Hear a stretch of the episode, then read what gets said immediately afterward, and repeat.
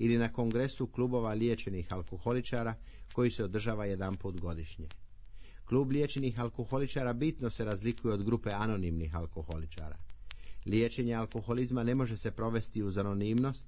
Nadalje, klub liječenih alkoholičara treba da prihvati stručne terapeutske radnike i usko s njima surađuje, a klub bi osim toga trebao da se aktivno zalaže za svakoga alkoholičara koji makar i jedan put dođe u dodir s klubom.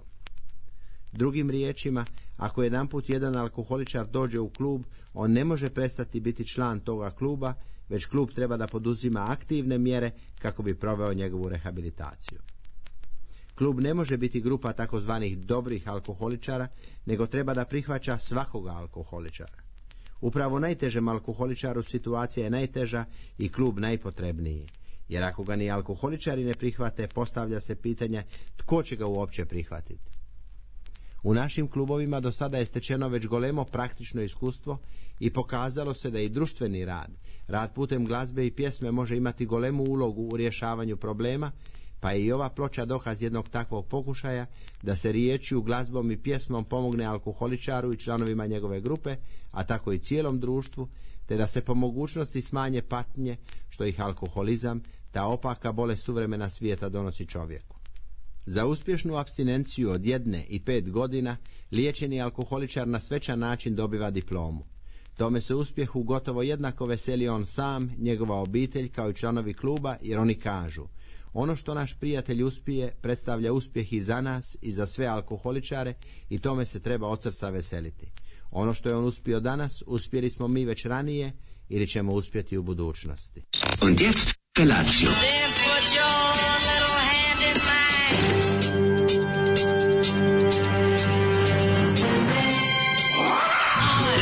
grupa roznojenih mladića teči po studenom vazduhu pre zore. Alarm! A ima da kane, nema problema. Svakog radnog jutra, od 7 do 10. Hajde, da! da prska, nema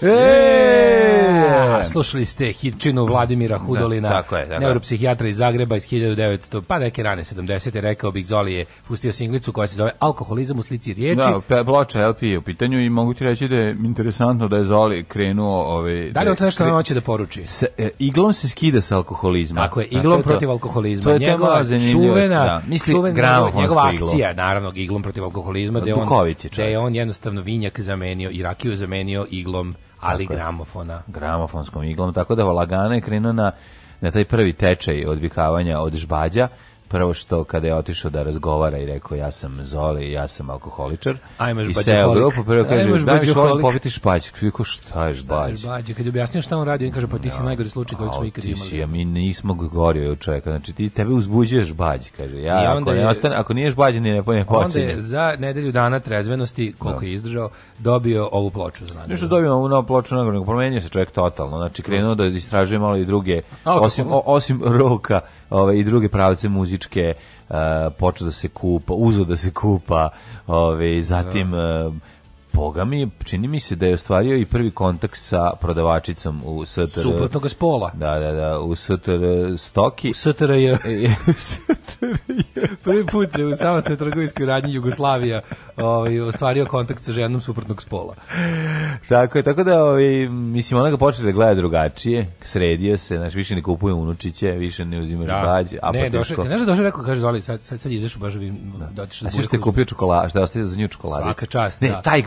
moment ja najviše volim. Ne, kao, kao, a, a čokoladica, čokoladicu samo ostavi, uzmi čokoladicu i da, onda ostavi za nju.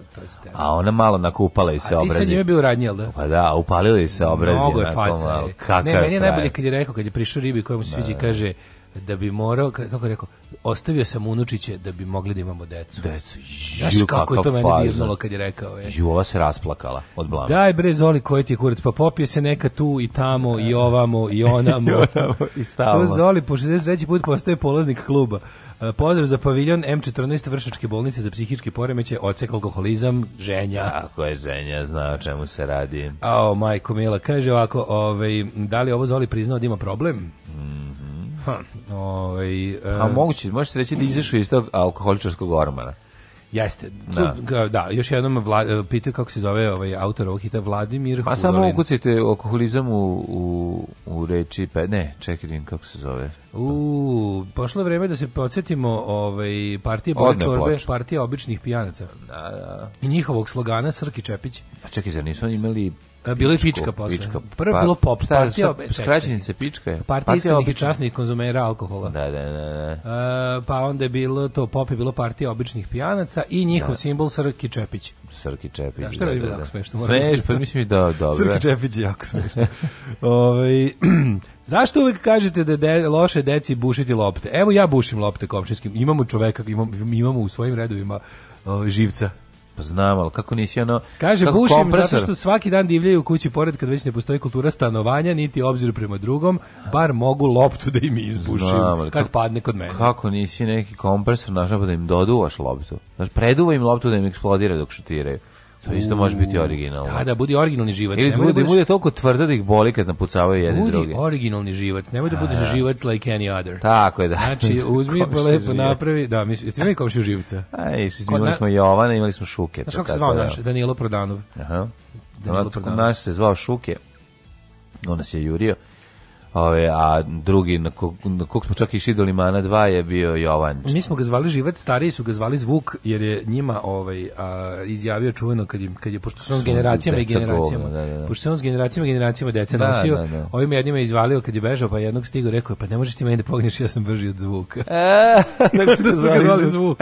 Ali, pa to je zanimljivo kod tih ljudi. Da, Imre je bio isto pokojno, on je isto U, bio, dobar, on je bio, dobar. on je bio u vojnim zgradama tamo, iz on je ganjao On je bio najistrajniji. He was a military face in, ne, ne. in, in pension. ne znam da li je bio military face, ali tamo je živeo, ali to, to, to, on je došao do, čak do naše, mi smo počeli da bežimo od njega zato što, zato što sam vidio drugara iz razreda koji beži od njega, a pretračuje put to i došao u drugo dvorište. Znači, ovaj psihopata je, mislim, baš problematičan bio. To je, ja sam volao kad ušao, klinci... ušao u stan Jurijovog pa, kostola. Mislim, to kad, kad, kad znači. se Juri dobar ludak iz komšiluka. Da, da. Znači, izdrči kao debilo, onako, da kako krene, trči. Ovo je uvek je neka potkošulja. Zvuki, zvuki, bio, ne, zvuki odvrtan. Zvuki izgleda kao neki mršavi gargamel, ovaj ima je ima je trendžu, ima je dole neke ovaj papuče koje bi ponekad čak i skinuo, pa bi trčao bos za nama leti. No, a one kožne papuče smrduše i gore je imao onu uh, onu dole dole trendžu ili dole trendžu, a mhm. gore je imao onu neku neku onu kinesku gadnu majicu, onu sa kragnom. Da. Znaš, ono onako ono sintetično sve u gromuljicama što se napravi više od sintetike onako. Da. I imao je mlađi on je bio sve a što ti stradalnici bili na na prizemlju. Uglavnom pa jeste. Jeste, sve da. što očekuješ od predsjednika, znaš kakvu masnu palačinku je imao preko, preko isto ulaštene crne ćele. I to je bilo toliko genijalno, znači, ali mislim smo zvuk. Njemu, zvuk, mi smo njemu mast vadili, a stvarno, znaš, kad, da. kad se navadiš na budalu, pa, ajde, Ču, bilo kao, ajde idemo da zajebavamo zvuk. Da, da, to je bilo, onda, to je bio jedan period, kao idemo, da. prođemo pored, nešto mu dobacimo, on odme izađe i krene. Mađe, krene što mi da se što nema, ni ne moraš čak da mu zvoniš. Pa da. Znaš, on kucneš na prozor, on samo ne, izviri. Ne, on da ima i prezime i dodamo neku groznu uvredu, razumiješ? Da, da, da, da, joj ovaj krene da joj. Ovaj- joj, Ne, istrčava čuo nama se, ali... A ko koksal baba, znači, samo je naravno, da, da, da. da, da. Što, znaš, on kad, na primjer, moji roditelji su to nikad nisu mešali, samo su se smejali, ali neči roditelji su silazili pa ga, pa ga ono šamarali, tako ono, to je da. bilo još dodatno gadno. Ono. Pa, dobro, da, to je... Znaš, da dođe, isteroriše ono debelu da. zoricu, onda roditelji debelu zoricu siđu dole, pa, se, pa se s njime nabadaju. Da, da, da, da, da. U to sam mrzeo kad se me, mešanje roditelja, to, ali... A, kaže, naš živac, naš živac se prezivao Tresiglavić, izvali smo ga Tresa. Joj. E, znam ja jednu komšiju živca koji je šutirao kosilicu pa povredio nogu. Šta ja radim, živim pored vrtića, kad krenu lopte da prelaze ogradu, ja odmah vratim, dobijem tri nove. Deca skontaju da se igram, moram da čekam da uđu unutra. Aha, Aha da bi pa vratio da nazad, da, da, da. da. da. O, kaže, Dujke, završio sam treninge koje mi omogućuju pristup laboratorijama. I dočeka me ovaj monolog. Idem da spavam, laku noć. A, joj, čekaj, drug Dujke je u, u Teksasu, ali tako? u Teksasu, he doesn't mess with Texas. Ništa, vidi ovako, znači nemoj da uzimaš motornu testeru, nemoj da od ljudske kože da praviš sebi lice. E, a vidio sam, ovaj, kačio na community, kačio kako im izla biblioteka, mlađe. Znaš, ona hektar biblioteke sa da. lepim floor carpetingom, onako mekanim. Mekano za čitanje, unutra, ovaj, kažem, kakve su, kakve su lampe, su lepe lampe. Nisam stigao da vidim, pošto su... Pošto Kako je lampa? Odalio lamp, Ti si uvredio duh iz lampe. Lampa, stare lampe za nove. Ne, nove lampe za stare. Nove lampe za stare. I onda je lampe. Ovaj, onako kad sam vidio one, one onako ne, drvo, knjigorede jo, i knjigorede. Drvo i knjige, pa to je za, za da, da, sedenje i da, za učenje. A bi sad ovaj, učio. Evo recimo sad bi učio. To što mi volimo ljude i jedni drugi uprkos svakom razumu, to je naša religija i boli nas kurac. Tako je. Mislim da se to može reći skroz. Može, može. E, poštovanje, vaš račun za august, a ne, to ne čitamo. Hoćemo slušati da hoćemo da lastradamo uz lima, okean. Kaže lima lampe one zelene. Znaš da, ona, znaš koja je zelena lampa ona? Ovo, da, da, da. Znaš, ti izgleda kao da je od, od, od, od čega je ta pa taj bažak. Mesin, mesin i plus plastik, zelena plastik. Bakelit. Bakelit. Bakelit su providni mm. zeleni. Kako je to lepo. Ali providno tako da izgleda kao neki... Kao opal. Čil, kao opal, eto. Ili da. kao opal ili kao smaragd. Smaragd je u stvari zeleni. Kao da, smaragd, da, da, da. Opal je plav. Jeste, koje boje je opal? Ja mislim da je blue, da. Ne znam koje je opal boje. O, da, smaragd je zelena sigurno. Smaragd, da, da, da, kako ne. Um, šta ćemo, da lastradamo? Ej, da, izašla, da. izašla lastrada reizdanje. Vidio sam ploče. Ovaj, ili ima kod nas? Bila je na burzi da si kupio. Bila već kod nas, a? Zato što to sve u Hrvatskoj izašlo. Pa da. Izašao je, to je ne znam ko uradio, ne mogu kako se zove, neka da. nezavisna produkcija. Nezavisna država Hrvatska Koja je sad uradila, produkcija. uradili su to i uradili su mega punk od kod idiota na žutom vinilu prelep ja poručio. E, pa ja Čekam me u Zagrebu, moram dodem. Da e pa ja ću ovaj uzeti. Moram dodem. Da Bila je na burzi, ali video sam da je nova ploča, nisam, ovaj, nisam stigao da se pozabavim, ali kupit ćemo, a sad slušamo bez sa CD-a, može? Yes.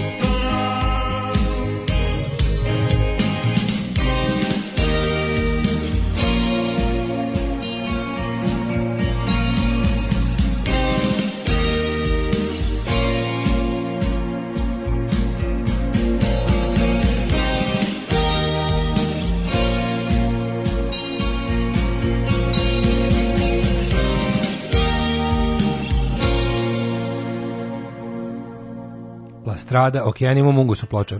Jel ima? Kaže, vidio sam jučer. E, vidiš, Koja je cijena? Garant nešto deru, e, ne znam, mi ćemo da pogledamo. Da, da, da pa dobro, znaš koliko su očinam, pa dobro, pa se biće jedno dva soma garant. Kaže, što je okej okay, za novo ploče. Nama je deda Steva Lovac dolazio na vrata sa puškom za moj rođendan, a kod mene ceo razred.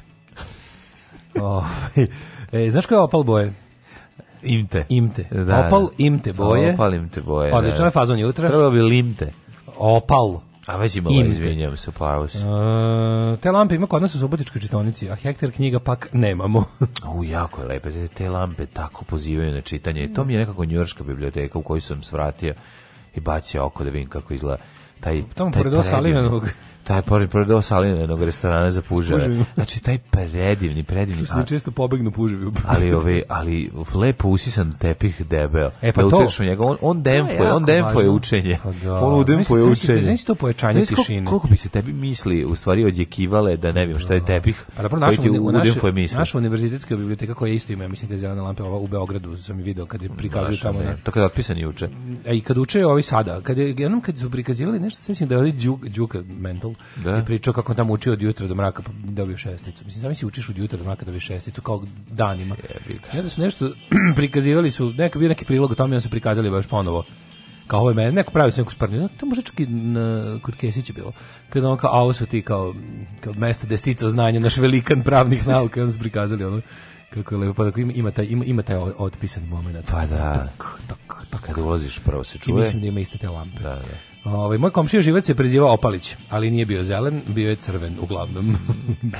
Kako si mladene proveo? Jučerašnji Yesterday's dan. Day. Ba, pa jučerašnji dan je bio ovaj, jedan oko lepi kvalitetan dan. Mogu reći da ukoliko bi e, vremenske prilike bile kao juče ili kao što će biti danas, da bi ljudski vek bio jedno 120 godina. 25 stepeni. 25 stepeni idealno, kad da. Kad juriš 25 stepeni po zemaljskoj kugli, 25 stepeni kad bi mogao da nađeš neko mesto gde ne moraš da juriš 25 stepeni na zemaljskoj kugli, nego neko mesto gde ja stalno mislim da je to Novi Zeland. Se pomera zajedno ono. Ja stalno mislim da je to Novi Zeland. Jo, nije, ima Novi Zeland. Mislim, da, ima Novi Zeland razni, pada tamo ispod temperature isto. Pa, to je to da je. Ima i minus, a.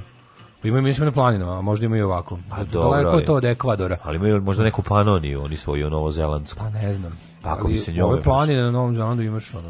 Znam kako neću znati novozelandske vis, planine. Čuvene novozelandske planine. Znači bogati ljudi koji idu na Novi Zeland. Koje se sastoje od unutrašnjih i spoljnih. Zamisli bogati ljudi koji idu na Novi Zeland na skijenje. To je sreća. Ko ide na skijenje? A, pa za njih. Postoji ga. Boli, ne, neko koga boli dupe, da koji će da vidi svaku planinu na svetu. Ono. Jeste, pored tri doline u Švajcarskog Aspena i... A... Ovaj, i mo, mo, mog blama. I, mog blama. I mog blama. Nisi Ford, baš Ford, nešto kako sve pare sve dođeš na Novi Zeland na skijenje. Koji bi bio car, kako bi te bolilo dupe. A vi je, mislim, kako više ne znaš šta ćeš. Znači. Neću, mrzim sneg, ne volim sneg. Naravno, naravno. Idem kroz njega, moram da se mučim. Naravno, ali... Čuva, znači, dižem ja, Ja to više ovako teo da ti ilustrujem, zamisli taj stepen bogatstva i dokodnosti. Idem na Novi Zeland, zašto? Na skijanje. To, to je gotovo. Ko će to, pa ko je bogat, razumiješ? A idem na Novi Zeland, ne, radi, ne znam. Ono, ko ne ustaje u šest ujutru, nego... Dobro, da, da, upravo si. To je dobra fora. Da. Dobre fora. Ne znam kakva su skijališta na Novom Zelandu, verovatno kao. Ne, treba da vidimo sajte kao Mavrov, na kao na Mavrovu 1984. Ne, nije to Mavro, to je Maurovo. to, to je Maurovo, pobrko si.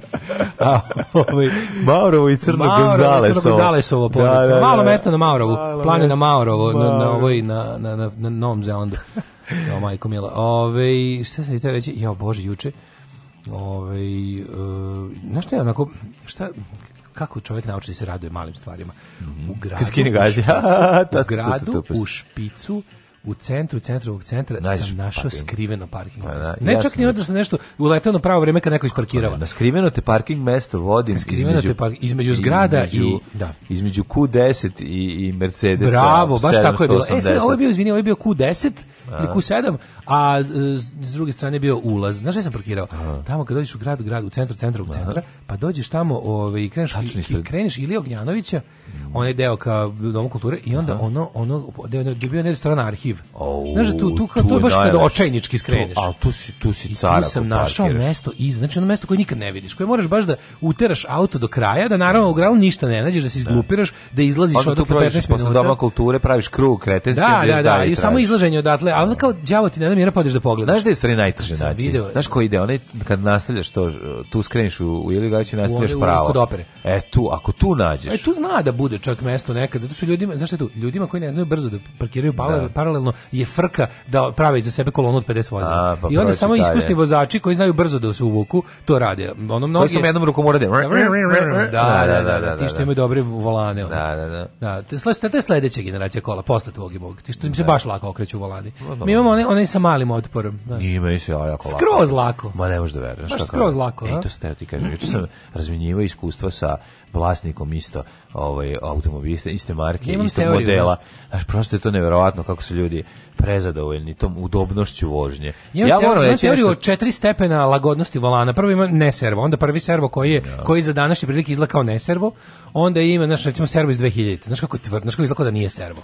Pa nije da, mislim. Verujem, mislim, naravno, da. prepozna se. Malo ne servo Miha, pazi, da. Ne servo se uvek prepozna, a, a ovaj prvi servo nije, znači onda ide... Ne servo se još... prepozna po podlakticama vlasnika Tako, automobila. On ima sledeća generacija servo, taj ja imam, taj onako već servo, ali ne može jednom rukom lepo da se mota, razumeš, da, mora ipak. Da. I onda sledeći tu su ovi, mislim, to koincidira sa motorom preko Euro 3. Pa moguće. Recimo, ne, ja bih tako rekao, sa da mojim ogromnim automobilskim iskustvom. Mislim, nisi u pravu, ali da, ovaj... Ima, bre, čovječe, sve ti servoji su sve glatki i glatki sve lakši i lakši. Servo je glada kao večna tuga nas koji ga nemamo. Ali ovi, e, lepo je, lepo je voziti takav auto, ali ću ti kažem da udobnost koji pruža Renault ovaj, Grande Scenic, to prosto ne možeš da veruješ. Kad uđeš unutra sve se lepo zatvori, nema više buke, nema ništa, ali ne, ne osjećaš kilometre, to je važno. Možeš preći jako puno kilometara. Možeš puno, puno kilometara preći i nemaš osjećaj da si prešao puno, to je važno. Da. Ta, ta udobnost, ti bi jako bio srećen kad bi treba sedneš da probaš sedište. Podobno. Pa Koje, znaš, kad pa- sediš u njega savte, a jako je važno što je visok, to meni, ja volim e, visok. E, to je visok auto. Ja mrzim. Da, bolje imati visok nego, nego velik auto. Jako me nerviraju niski automobili, znači da, to kad da, treba da, da izađem pa padnem na patos kad izlazim a. iz njega, znači to, to, to je prosto jako nervira.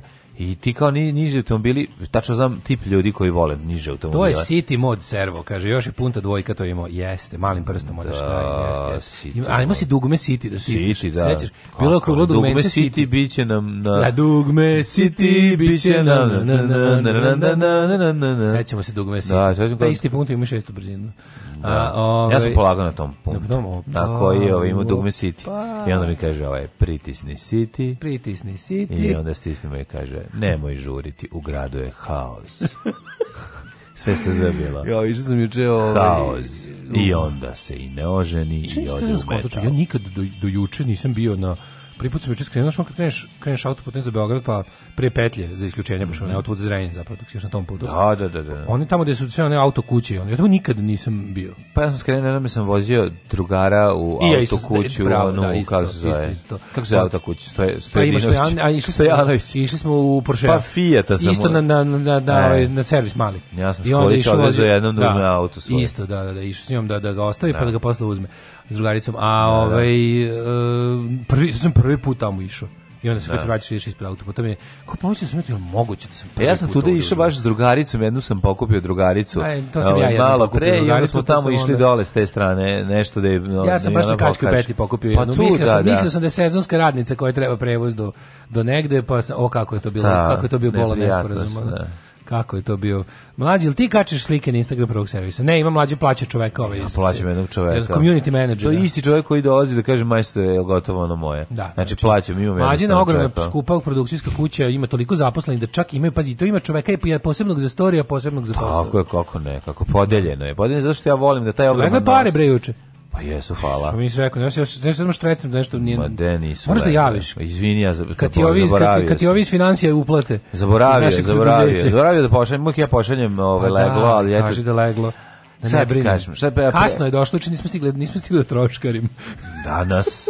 Danas da, danas, da, dale, trošiš svoju platu, trošiš e, svoju. Ja samo ono nešto, nešto, kad dobiješ, kad dobiješ tu našu platu da. i onda kad odmeš nešto veliko da platiš, onda si pozvan kao, e, jebem ti, nisam ono, nisam stigao da odem da. ni na jedno lepo klopanje. Ono. Pa nemaš ni, znaš, to je to, ja sad moram kupiti klime I sad će mi to ode. odbiti, ode plata, ko da je nini bilo. Tako da, što kaže naš narod, patreon.com kroz Daško i Mlađa. Tako je, tako i tako. Celu priču smo mislili da bi vam zakukali na da, kraj. Ajde, tužna je, naša tako. sudbina.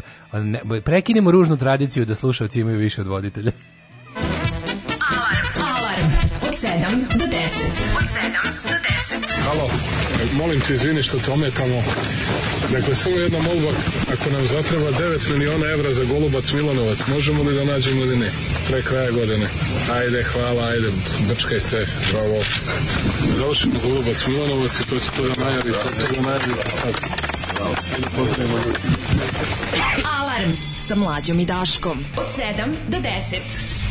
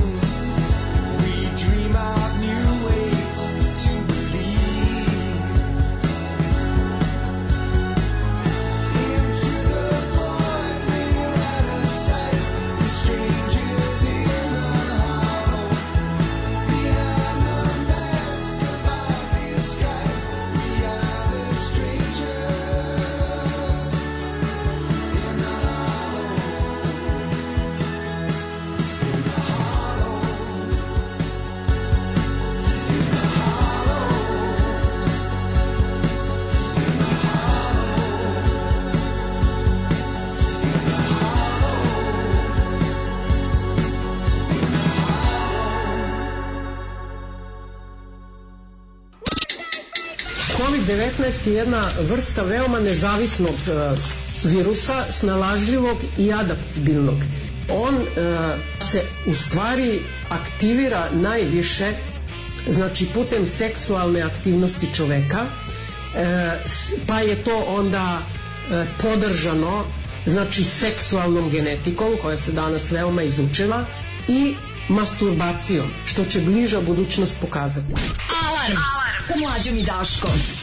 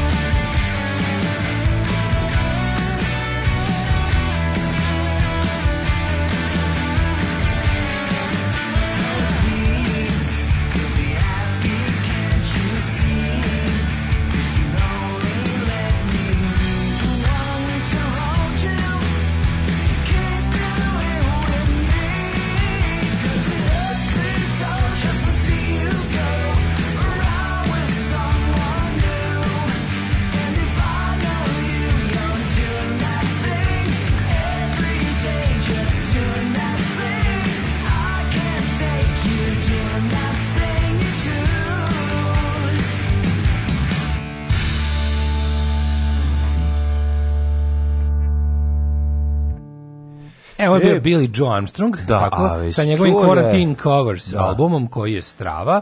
I ova je obrada iz uh, pesme, naslovna numera iz filma The Thing You Do, koji je meni jedan od dražih. Pre, presladak film. Taj film je genijalan. Tu je, da li je, to režirao Tom Hanks ili samo bio producent, ne mogu se setim. Pa, ali uglavnom taj Playtone Records ovaj, koji mm. se pojavljuje u, u, u, filmu je posle ime njegove produkcijske. Playtone je i na ovome, na Band of Brothers. Ovaj, I na svim a, filmovima gdje je producent Tom Hanks, to je njegova produkcijska kuća. Jeste, preslatko. Inače, Jean-Claude eh, Belmondo je preminuo. Da, Jean-Claude da, da, Belmondo. Da, da, čuveni. Jako mi je žao za Jean-Paul pa, Van Damme. Jean-Paul Van Damme, da. Jean-Paul Van Damme. Mm. Ove, ovaj, zato što on, ja imam, posebno sam nekako vezan za njega, jer je on isti moj deda ujak, po kom sam dobio, po čijem da. nadimku sam dobio ime. Velika faca. I onda mi uvijek, vidim, meni je moj deda ujak Damjan Daško, Ove, ovaj, uvijek bio Belmondo, pogotovo to kad sam, kad, kad sam ja bio mali, on je bio dosta mlađi, onda da. izgledao je kao Belmondo u, tom, u tim godinama kad se ja rodio. I onda to meni bilo tako, uvijek sam, tako, kad vidim Belmonte, kao, kao, evo ga, kao, e, kao, kao, evo ga, onaj francuski daško. Super da. što se išlo, ove, ovaj, što kao kad ideš u bioskop, ideš ga i da gledam Belmonda. Da, da, da, film, da, ideš gledaš Belmonda, to je tako bilo. Njega, ne gledam da, Alana da. Delana, idem gledam da, Belmonda, ima još tih tako neki. Ja sam uvijek više volao Belmonda od Delana. Ja isto. Da, da, nisam volao, imam, imam govnarske oči. Belmonda je kao neki, Belmonda je kao neki, ono, kako ti kažem, ima tu neku pojavu, u, u domaćem filmu bi on bio neki direktor govnar. Bio da. neki blazirani, tako nešto uzmeš da, u Delon ili Delon misliš? Uh, Delon, Delon, Delon, da, da Delon, da, Delon, bi bio. Bio bi taj što uzmeš urdi ženu, što pokušava da otmeš urdi. Ovo bi bio vozač kamiona i onda ti odmah bio bliži. Onda ima tu neku stvarno ima neku tu tu facu neku. A videlo se da je Francuz, pa i obojice imaju jako francuske face. Pa, s tim što je ovaj imao tu neku, ne znam kako da objasnim, kao da je Što pričaš kao da je ovaj drugi umro? Mm, pa mislim nije glumio, on ovaj je glumio tako. Čekaj, da, da Alen Delon, Delon živi, jebote. Živi, bre, ja mislim da jeste. Ja mislim da Alen Delon isto umro, jebote. Ne, ne, ne. Čekaj, pa sad će da sad će da bez Bruno Delon. Ja nešto ili znam da neko teška penzija, ali. Ja, ali ma naravno da je u penziji mislim ima 90 godina, ono koji je ovaj. Alen Delon da li živi, čoveče? Sad ćemo. Mm, hej Delon, da li si živ? Ako jesi, dobro je. Živi, ali se, pa, živi, ima 85 godina, ali se povukao 2012. posljednji put snimao. Pa dobro. Što će reći pre 9 godina. Kad je tekstom obrisu dupe, kad je tekstom obrisu dupe, separat, separatima kad je obrisu dupe, shvatio da je da. pogrešio. Eko on Jean Paul Belmondo. Krenuo da, da čita, krenuo da čita PC papir. Tamo negde krajem 70-ih je snimao neki trežić, trešiće. Malo si sodeš. Ovaj e, Belmondo, ali on ima neku ima tako baš ono amplitudu u karijeri. Pa do, kao i svi glumci. Pa je onda ono bio kao... mega popularan, pa onda pao malo u, u, u da, zapećak. Kupio sam bio, pa se vratio. Ja sam kupio profesionalca i kupio sam onih nekoliko DVD-ova. E, ja ja sam dugo pitao da je Megacom film izdavao ne tanke mm, DVD-ove, one, da, one da, low da. price, što je bilo se kupio samo poslednji. Se kupio Le Morfalu, oni The Vultures, mm, kad je on onaj legije stranaca sa onim švabama u pustinji u drugom svetskom ratu oko nekog zlata. To je teški trash, ali je super film. A ovo je super. Znači, takvi filmova se nasnimao od neke 76. do 84 se nasnimao tih treševa, ono, koji su teška B produkcija, meni to sve dojazilo. Meni najbolji film na svetu, i to mi će mi ostati kao jedan od najboljih filmova ikad, e, Čovjek iz Rije. Čovjek iz Rije, znači to je film koji sam ja, ono, najviše volao. To je profesionalca ponovo. Taj sam, uf, to je odbaš filmčina. Ne, to filmčina, da da, da, da, da, da. A mogli bi gledati, recimo. Kako je tu njuška? Ja sam samo jednom gledao ovaj, e, do posljednjeg daha. A to je isto super film. Sećaš serije Profesionalci, išlo program Plus? Pa ne. Ona četiri, neka to britanska serija, oni neki četvorica onih nekih mangaša, ono. Četvorica neveličanstva.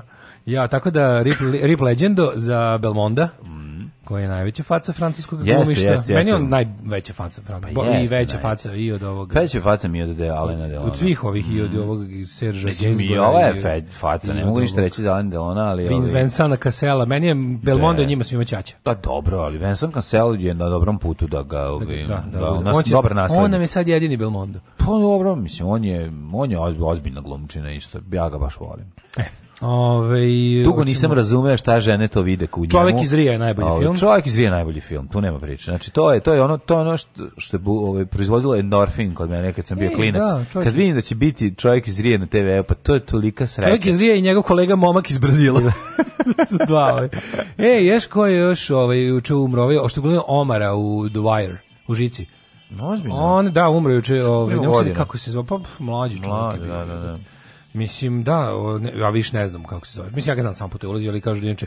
Znam da je Idris Elba rekao za njega da je to najbolji glumac u seriji, jer su svi ono padali na dupe ne. Da. od Idris Elbe, pa on rekao, neka najbolji glumac u seriji je ovaj što glumi Omara. Ja, da. ja mu nisam njime zapratio. Mm. Ove, ovaj, e, kada je preživao uklonio Stevicu Mirkovića, znalo se da će Delon večno živjeti.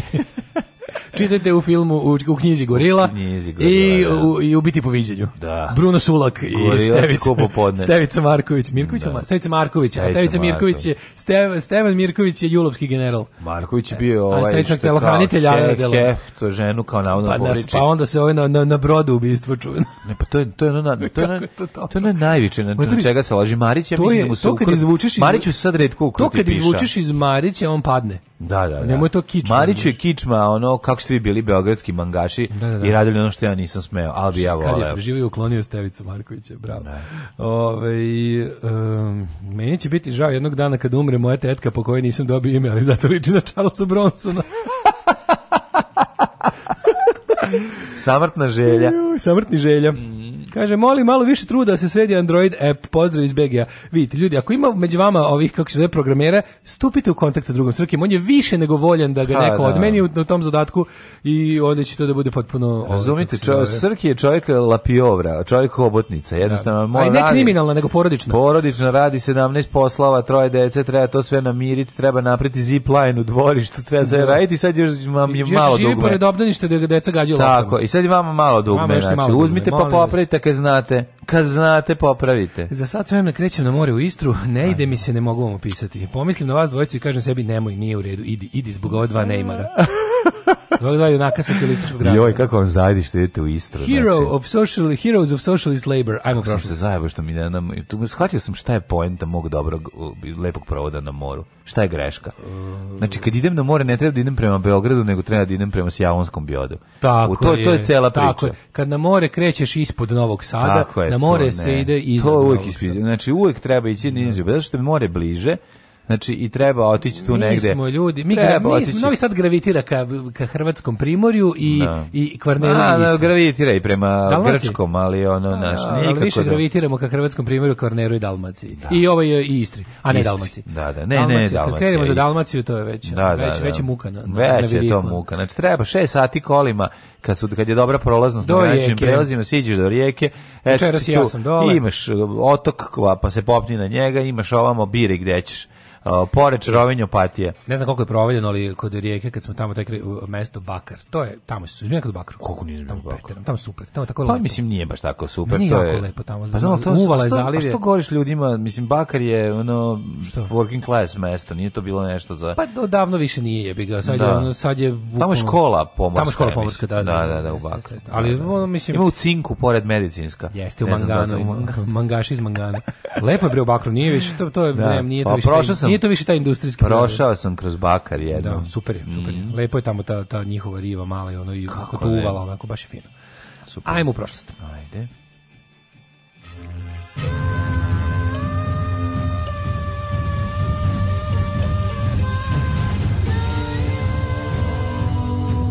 Dogodilo se na današnji dan. 7. septembar je e, 250. dan godine, do kraja godine mi još 115 dana dale. Jeste. Sad smo baš pominjali lepa mesta, eto mogu bi tamo za novu godinu. Daj neko mesto za Bakar, bakar, bakar. U bakar ćeš za novu. Bakar godinu. za novu godinu. Jeste da da pravim. Ništa, znači pališ žicu i skidiš, uzimaš bakar, je l' tako? Vežem malo žice i da, prihajam da. u bakar. U bakar, okej. Okay. E, istorija meni počinje 1191. Dajte kolega neku bolju e, godinu. Kolega, isti sam kao, verujem ti jer smo isti. Da, veruješ mi jer smo isti, obojni program. 1191. U trećem krstaškom ratu Englezi pod komandom Richarda Laljog srca porazili a ajubitske snage pod uh, Saladinom kod Arsufa u današnjem Izraelu. Velika pobeda. Velika Malika pobeda staša. u gostima i mogu ti reći da je najavila narednih 200 godina dominacije zapadnjaka na ovaj bliskom istoku. Hvala puno kolega. I istočnjaka na bliskom zapadu. Ove, to je u knjizi krš, Kršćanski ratovi. Kršćanski ratovi u Jeffrey da. O'Will kaže. Britanskog povjesničara Jeffrey Hastingsa. kaže. kaže. 1566. Vrućina je bila veća nego bilo koji drugi dan. Vrućine su bile veće nego drugi dan. Beomund Alterburski je došao sa svojim mačem i rekao ako ne pronađemo vodu u narednih 15 dana, neće biti vojske koja će se boriti na ovom bojnom polju. Bila je to vraška, vraška vrelina. Bila je to vraška vrelina. 1566. Turci osvojili Siget i na main stage izbili nakon junačke odbrane grada pod vojstvom Nikole Šubića Zrinskog. Jeste, znači stigli na to dolse, na main Taman stage. Taman stigli četiri popodne na četiri Gogol Bordelo pa, da, i da, rekli da. ostaćemo uveče do modeš depeša, međutim nisu imali par za pivo. Ali su pogledali i mađarski Ramon tribute band. Naravno, mađarski znači, Ramon tribute band, da, on tu stage stage-u, da. sećaš One Two Stage, World Stage Arena, da, One Two da. Stage, tamo smo gledali Turbo Negro i Helase. O, to mi najlepše bio. To je bilo najbolje. To je moj naj, to je najlepši koncert koji sam gledao u životu. Znači, najlepši su mi helikoptersi, pa onda i Turbo Negro. Znači, to... A to sve u roku od 2 dana kako je to bilo lepo, sam u prvom redu, slušao sam kako pojačao i direkt ispojačao u glavu me da, udaralo. Da, da, da. Znači, to, to, to je najlepši osjećaj svijetu. Najbolji zvuk najlepši bend i bend koji, koji sam najviše volio u tom trenutku koji je bio u Zenitu yes, karijere. Yes, to je ipak nešto najbolje. 1701. u Hagu potpisan sporazum Engleske, Austrije i Holandije protiv Francuske poznat kao druga velika alijansa. Mm -hmm, mm -hmm. Second Alliance. Large. To je bilo protiv u, um, da li je tada već bilo i 14. 1701. A? I don't know. Ne 1714. Car mm -hmm. Karlo VI potpisao je u Rahstatu mm -hmm. uh, sa francuzima Badenski mir kojim je okončan rat za špansko najslađe a Francuzima pripali Alzas i Strasbourg. Mhm, mm viš Francuzi su se pa ovaj, ovaj poširili. 1764. Za kralja Poljske krunisan je ruski štićenik Stanislav II. Ponjatovski, poslednji poljski monarh. Tokom njegove vladavine Rusija, Pruska i Austrija izvršile su tri deobe Poljske, ona je kao nezavisna država obnovljena 1918. Mm. Znači, gospodin Stanislav je doveden i rekao je, moj zadatak je obavljen Poljski Poljski 1778. Da, da. Francuska napala ostrovo Dominika i zauzela tamošnju britansku tvrđavu pre nego što su Britanci saznali da je Francuska ušla u američki rad za nezavisnost kao saveznik pobunjenih američkih kolonisata. A 1812. Borodinska bitka. Na 125 km od Moskve jedna od najkrvavijih bitaka u Napoleonovim ratima koji su Rusi pod komandom Kutuzova i Napoleon imali više aha, ko, pod komandom Kutuzova i Napoleon imali velike gubitke. Nedelju dana kasnije Napoleon je ušao u Moskvu, a pirova pobeda ovaj, Napoleona jedna je od prelomnih tačaka za zahvaljujući kome je Sveta Alijansa uspjela da pobedi Napoleone u veliku da. Eventually. Da. Ove, ovaj, da, da, 1812, se, da, iako je Iako to zapravo bio ruski poraz, ali Pa ali, da. zap, ali Rusi, Rusi su imali dakle da, da zavate, da, pa, da. a ovaj više nije imao. Rusi znaju nekada da izgube tako da se neprijatelj ne oporavi. Da, da. 1813. prvi put je potreban naziv Ujka Sam za SAD. U mhm. uvodniku njujorskog lista Troy Post, znači United States of America, USAM. E, 1821. Ajde. Uspostavljena Velika Kolumbija na čelu sa e, konfiskatorom Simonom Bolivarom. Mm -hmm. A ono, godina dana kasnije. To je bio korak nezavisnosti svih tih e, južno, južnoameričkih država od um, svojih evropskih kolonizatora. 1822. guverner Brazila, princ Pedro, za kog smo preleli džemper svaki put kažemo, proglasio nezavisnost od Portugalije i proglasio se za cara. Portugalije, je priznao nezavisnost Brazila 1828. Znači, Jeste. danas je Vidovdan brazilski. Vidov dan, Brazilov dan. 1860. italijanski revolucionar Giuseppe Garibaldi sa svojim crveno košuljašima zauzeo Napolj u ratu za oslobođenje zemlje Austrijanci i ujedinjenje Italije. Boga mi da, s obzirom da on, ako, ako se ne vremo, oni su krenuli, jer Risorgimento krenuo od severa, jeste. Dakle, dok su stigli, do da to je bio kraj već te borbe. 1900 pa da. Pijemont na severu. Mm -hmm. 1901. potpisan je pekinški protokol kojim je okočan bokserski ustanak u Kini, pobunu protiv stranaca ugušile su evropske sile, mm -hmm. Japan i SAD, Kina je primorana da plati odštetu za njihovu imovinu uništenu tokom ustanka. To je baš bilo tužno. Mislim, yes. tu su ovi pokušali da stvarno zbace jaram ono. Mm -hmm. I nisu uspeli još se posle naterali da ono da plaćaju sve to. Da. 1913. kralj Petar I. Karadžorđić potpisao proklamaciju o prisjedinjenju oslobođenih oblasti Kraljevini Srbiji u Ribarskoj banji kod Kruševca. 36. U Hobartskom zoološkom vrtu uginuo je posljednji torbarski da. vuk, poznat kao Benjamin, s njim je izumrla ova vrsta, to je tasmanijska životinja. Tako je, tasmanijski đavo. Tasmanijski vuk. Tasmanijski vuk, to je mm. vuk torbar. Da, da, da. I on je, i odnosno, kako to beše, svi, su svi... Uh, Jel nešto onako, svi sisari u Australiji su torbari, ili tako? Nisu, nisu, ali nisu svi torbari sisari. Um, to je um, mala zanimljivost u Australiji. Jesu, svi torbari jesu sisari, ali ne. pa ima neki torbar da nije pa sisar. Ima čovjek koji prodaje torbe. A, pa ima A i on je sisar, da. On je sisar. A šta ako, recimo, neki gmizavac prodaje torbe? Jeste, šta ako kupi torbu? Uh, A šta kako mizac vede torba svoje kože? Ne, skupo je prodao. 1940. A 1900, da, to je tužan, imate na YouTube-u, verovatno ste videli svi već taj snimak. Čekaj, stvarno sve što njega, njega, ovaj, njegovo zevanje u zoološkom vrtu. Jesu, da, on, za njega, od njega postoji video, postoji video zapis, filmski da, da, da. zapis, da. Inače, Čekaj, bre, su svi turbari iz, iz Australije mlađe? Nisu, ima turbari. Ima turbari u Evropi. Pa naravno da ima. Koje što to? Pa ima manje, u Evropi ne znam. Pa da nema u Evropi. Ima u Americi. Ili ima? Opusum je torbar recimo, a živi u... Jel svaki opusom torbar ili, ili baš ima torbar opusom? Pa nije svaki, ja nešto kupi torbu, ja opasan Ne, stvarno, torbar. svi opusom su torbari, nije, nije, nije posebno. Pa ja mislim da jeste torbar, a možda sad grešim. Moguće, moguće. A, jel ima, ne, ne, ima djecu u da torbi ili možda ja grešim? Da sam, ili, ili sam imao puno dece pa sam mislio da ih stavljao torbu. Meni se čini da se negdje čitao su svi ovi torbari iz Australije ja mislim da ima u Južnoj Americi. Ima neke životinje koje ove, ovaj, i u Severnoj Americi. Sad ćemo ući da vidimo. Sad da. ćemo da. vidimo. Uh, da, da, 1900... Da. A nisu ima ih i van toga. U, mislim da u Africi ima neki to, Aha. Da životinje. Koje 1940. bitka za Britaniju, nemačka avijacija pod komandom Hermana Geringa počela bombardovanje Londona. Mm. Prvog dana poginulo 300 ljudi. Da, da. Znači, čitaš sledeće, ja ću da googlam marsupilac. Ajde, 1944. Jedinice naslovničke vojske Jugoslavije ušle su u Vranje, koje su Bugari prethodno napustili. Tako je lagano oslobađanje čitave teritorije buduće socijalističke fe. Prvo FNRJ, pa on, zatim i SFRJ. E, endemic to Australia and America. Znači, da, kažem ti da, da, da. mislim da je opusum torbar. Da, nema, nema ih u Africi i Evropi. Ne, aha, eto, on samo... Ne, Lijepo. 1962. Tajvan Volite je... kad nešto saznate zajedno, isto kad i mi. kad saznamo, mi smo da. čak i ovo već i znali.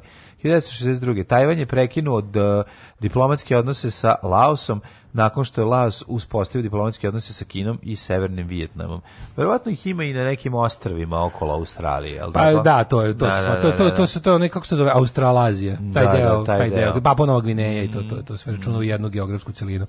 Ove, kaže, Jer, zanima ima... da li postoji šansa da se Torbski, čuo sam da su, čitao sam da su o, mamuta uspeli da ožive kao da su počele kao da je žele ovaj što bi se mrzlo. Kako da li to moguće? Ne Pa dobro, ne, či, da- čitao sam na ovaj na Facebooku i nisam na siguran. Pa nisam siguran koliko je koliko je ovaj zapravo istino to što piše. Kaže, Daj, samo Makedoniji se... i uglavnom su muslimani. Kod nas je glavni torbar Toma Mona. Najveći leteći sisari su u Alać Šalo. Ajde. Stjordese! Joj, gospod, ovo nisam bio spreman za ovo. Znam, ovo je znam, previše znam. rano. Previše znam da rano. da nisi bio spreman, zato ne je i dobro. Zato je i radio fazon, jer da, da, ovako nizak fazon može da pogodi samo na ispavnog čoveka mm. u glavu. E, uh, 62. Tajvan prekinuo diplomatske odnose s Laosom nakon što je Laos uspostavio diplomatske odnose s Kinom i Severnom mm. Vijetnamom.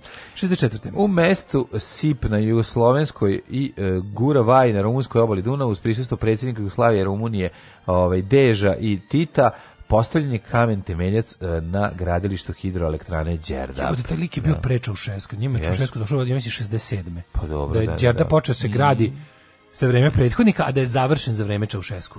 Da, da, jeste, jeste. 1975. Za, završeno je preseljavanje Turaka Turka, na da. Kipru. Pod nadzorom UN oko 9000 ljudi prebačeno je sa juga na sever zemlje. A 86. Biskup Desmond Tutu postoje najbiskup Cape Townu u Južnoj Africi kao prvi crnac proglavar južnoafričkih anglikanaca. Potpuno genijalno. Da. Znači, od kada ih ovaj tamo jašu, do, nisu čak dali da imaju, nakon što su im nametnuli religiju, nisu čak i dali da imaju jednog ono, da. svog čoveka kao predstavnika te religije. 90. 90.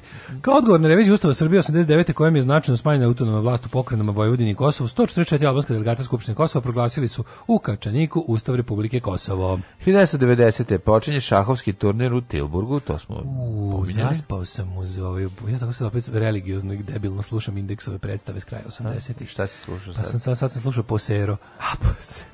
znaš kakve dobre... Posero. Posero, znaš kakve... Da, da, da. Tu, tu su izmislili likove, ovaj, kako se zove, Ruzmarina tu izmišljam, znači postoje bukvalno to epizodu koji, u kojoj je Slobodan Bićin izmislio lik koji se zvao Boban Savić Ruzmarin tada. Čekaj, se, čekaj, tako se prvo zvao lik. Tad su izmislili lik, lik Ruzmarin za tu, za tu predstavu. Za tu predstavu. Da, za tu radio dramu. Znači. Čekaj, A nju su izveli po seru, su izveli u, u Domu omladine, uživo su snimali radio emisiju.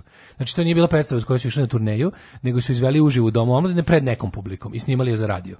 I da. onda su tu bili sa zajedno ja, sa, sa narodnim orkestrom. Sada me Husein, da, zeleni da, da brate, da, za zeleni da, bliski istok do Amerike. Imam to na kaseti. I pa da, negde. posero. Posero, da. Tu pa onda imate ono, opsa sa NDH. Da, da, da, da, za Tuđmana, pa ima Džibrahim Rugoba isto. Da, da, da, da. Ono, kako i to? Kako bi setio svih ti pesma, znam ih napad. Pa naravno da znaš napad, sve su, sve, sve su šovinizam i renesansa, teški, ono.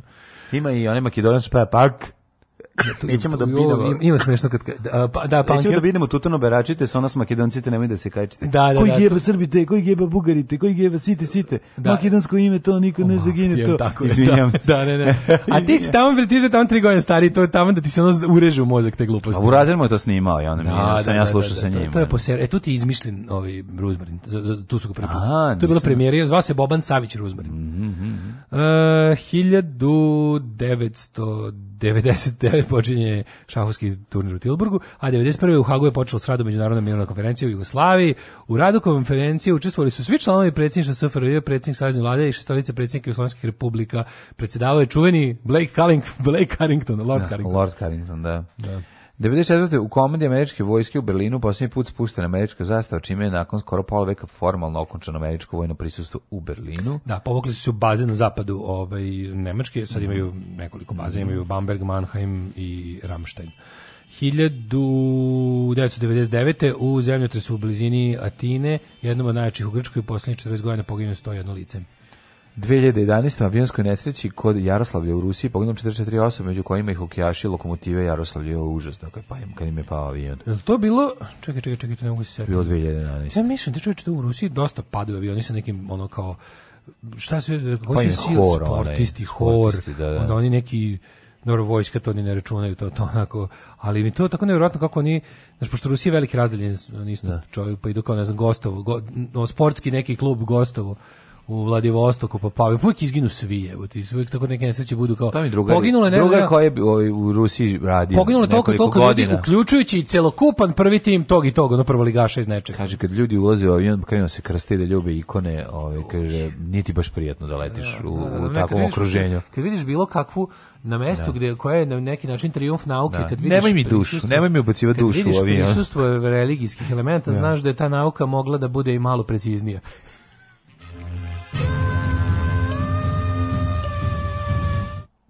Thank you.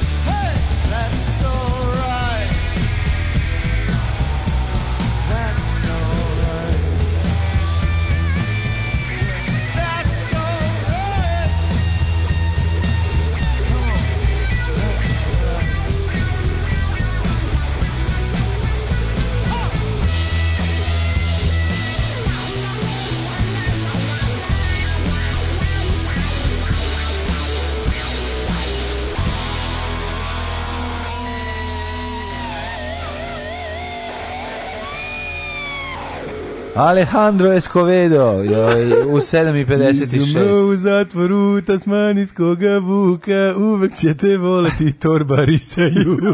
torbari. Australijski navijači, australijski navijači, dileri torbari, ne znam da li si čuo za njih.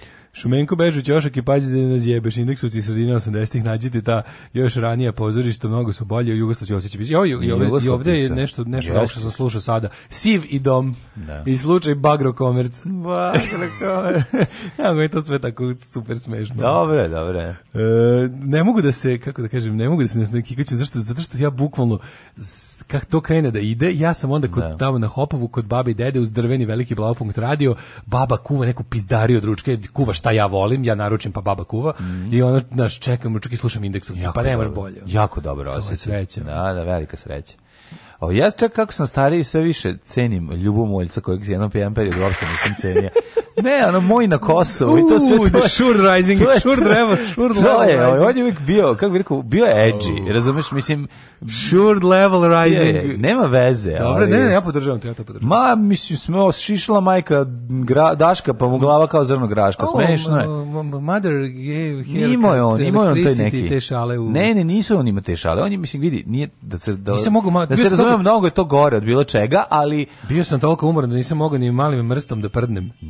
to se Ne, on je imao neku seriju koja se zvala Frka, išla je sredom i on je tu, ja sam to jako volao kao klinac. Frka ljubemoljca, da, da, da. Da, da, Frka od ljubemoljca. A, e, Memedović je pričao kod Galeba da se nikad nije uplošio u životu kao kad je u Rusiji letao avionom. Kad je on krenuo da, da trokira, samo su izvukli litru vodke i vrtali u krugu. Pa da. Pa da. Ovdje imamo rođendane, rođendane, što nam baš lepo stoje. Uvek će te voleti torbari sa juga.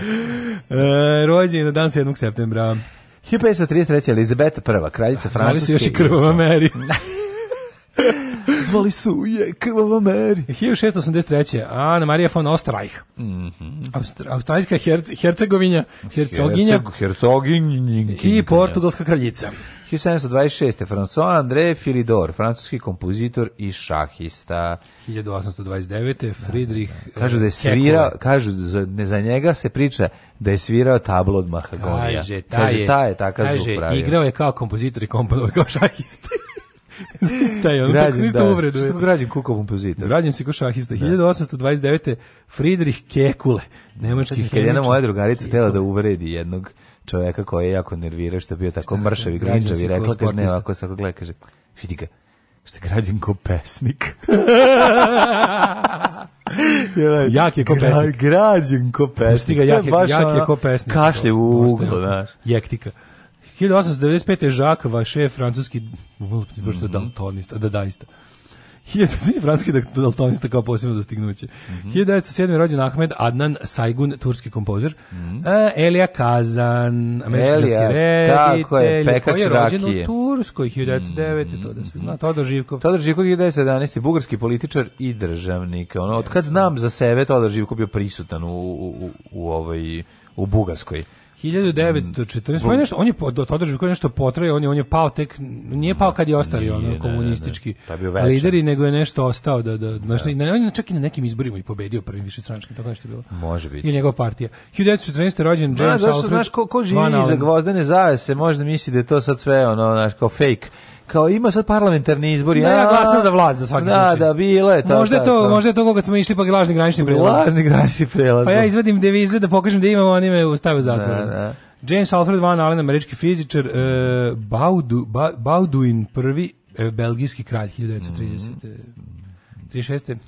30. Sonny Rollins, američki jazz saksofonista i kompozitor. A 36.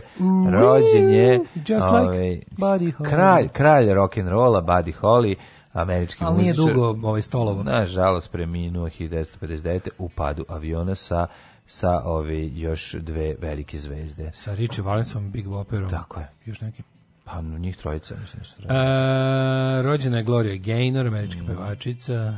Dario Argento, 1940, italijanski Dario reditelj, Argento. producent, scenarista i filmski kritičar. Stvarno, ovaj volimo Dario Argento. Volim Dario Argento. Lud je da, konstruja, onako baš opičan. Vidi se da je ludak. Vidi, on je jedan od onih ljudi koji izgledaju kao kao ništa bukvalno žive za film i mm. ono malo mu fali da postane junak sopstvenog filma. Tačno mogu da ga zamislim kako da. zapravo ubija šest glumica ne bili konačno dostigao verodostojnost koju teži ceo život. To ili da pomisliš da je više nije siguran da li je krenulo snimanje ili ovaj to, to, to, to, to da, ili da, on da. zaista da, radi baš, to što baš radi može realno. da baš može da bude mm. da ono treba neko snimi film da se zove Argento o fiktivnom Argentu koji je ono pod stare dane uh, ubija, a da glumi Argento, a da, da. ga re, re, da ga režira neki neka mlada snaga italijanskog đala. Uh, da, Dario Gento, italijanski majstor horora, odnosno to, oni to nazivaju giallo thriller, to su, to su ovaj, trileri sa, sa elementima strave užasa. Da, Horora. A zapravo su kao, uglavnom su to neke hudanit, ono priče da ne znaš tačno ko je ubica, to je deo deo ovaj lepote tog filma. Da.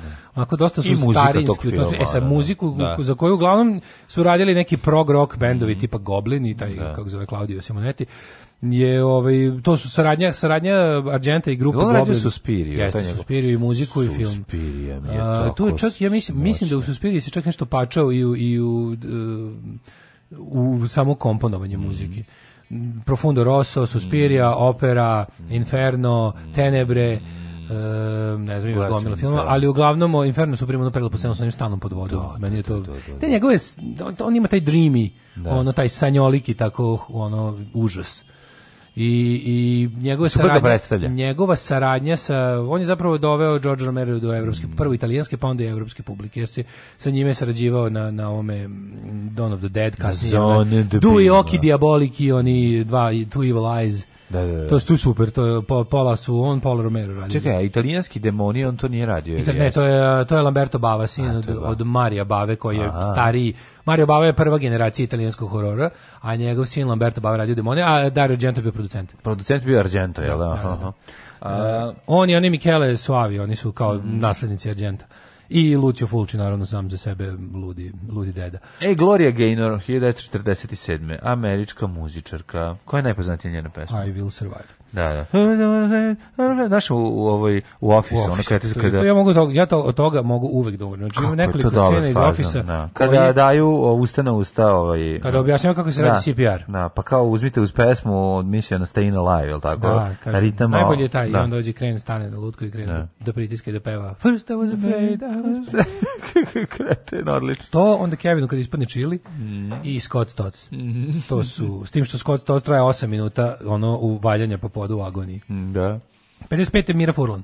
E, Mira Furlan. Skoro nažalost, pokojna, da, nažalost. Da, ovaj, Emre Belozoglu, turski futbaler. Goran Hadžić, 1958. Političar, preminuo 2016. godine. Se on ubio u zatvoru, je tako? Mislim da umro u zatvoru. Umro u zatvoru. Ratni zlo... Ne, Milan Babic ubio u zatvoru. A, Milan Babić, izvinjamo. Umro u zatvoru. Da, da, da. Aljona Lanskaja, beloruska pevačica. Umrli je današnji dan. Uh, e, ček bre Darko Pančev 65. godište. Ne možeš, ne možeš tako, ne. Ja ga nisam imao, šta da radim. Ne možeš preko Darka Plan Pančeva. najgore, imao sam ga. Ja kao člana Pančosa, ljubitelja fan kluba. A ti si sad je član Pančosa, a si se ti odcepio od Pančosa da bi osnovao Delivanosa? Jes. Mm?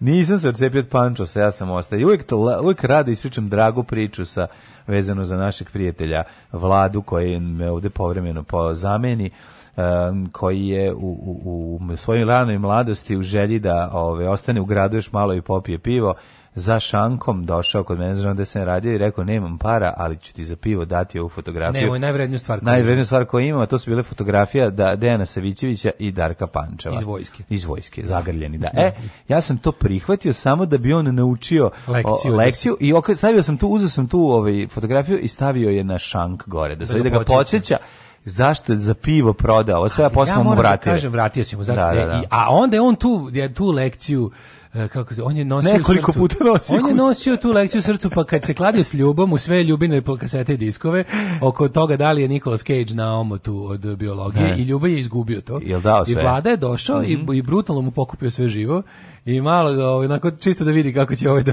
coping with, e, onda with loss. Onda mu je vratio. Ništa je karma, neverovatna da. stvar. Mislim se da ne zadržao tipa jedan disk i nešto, ono, čisto da bude kao da je nešto osvojio, ali mu je vratio 99% stvari. Ono, da. bilo, bilo je jako, ovaj, jako dirljivo. E, umrli na dan 7. septembra. To je najbolje, u Gajbari stoje ovaj, fotografija naslonjena na... na na policu da da podseća čoveka kako, je, kako je ovaj, se kako, polakomio. Kako se lako izgubi. Lako se izgubi. U, u, u alkoholnim izmaglicama. Pa šta da radiš kad je to mesto, to, to mesto ja je plenilo. Ja sam isto, isto dobrota mi je da, iskazan, da. bila kad se jedan mrtav pijan uh, e, vadio celu svoju platu da mi konobarica pusti neku pesmu. Aha, I ona mi je pustila i uzela i onda mi rekla, evo ti nas par idiote. Ono, kao, no, da. tako da je bila vezana na elonom. Nije, nego je bilo, kajde budalo, ono, kao ne bi debilo. Ono. Ove, 1566. E, umre Sulejman Veličanstveni. Dobro da smo pre, ove, te stvari pre, pregurali kad smo bili jako... Pa naravno, da. da. da.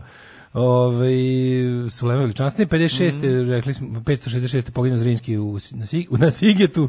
Na Sigetu je, da. Da, poginuo mm -hmm. na main mhm. stage onda Kočan Đelković, popularni kapetan. Jeste, vođa srpskih dobrovoljaca u austrijsko-turskom ratu. Jesu njega Turci nabili na kolac? Mislim da da, 1907. Mm -hmm. Sali Prodom, francuski književnik. Mm -hmm.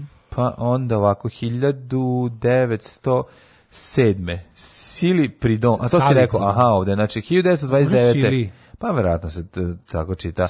Vladimir Matijević, trgovac, dobar tvor, osnivač najznačajnije organizacije Srba u Hrvatskoj i Austro-Ugrskoj. privrednik. Da, da. Pa onda uh, eh, 1944. Marko Došen, političar. Grga Novak. Dobro, koja godina? 1978. Dobro Grga Novak. Da da da. da, da, da. Boris Hagelin, švedski pronalazač i šifrant. Đerđ Polja, matematičar. Radivoje mm. Lola Đokić, srpski televizijski pozorišni mm. reditelj. Mobutu Penise Seko, mm. uh, 1997. i Miljenko Dino Dvornik na današnji dan umro 2008. Vidim da su u Splitu uh, postoji ulica Dina i Borisa Dvornika. Tako se zove? Da. To je jako lepo. Dosta cool. Da, nego ja sad pokušavam da vidim šta je izmislio Boris Hagelin. Sigurno nešto mre... Mi pronalaziš mašine za šifrovanje, mašinski inženjer a po obrazovanju i biznismen. Po obrazovanju je biznismen bio. Mm -hmm. Predsjednik Srbije Aleksandar Vučić večeras će biti gost dnevnika u 19 časova i 30 minuta. Objavljeno je na Instagram nalogu Budućnost Srbije.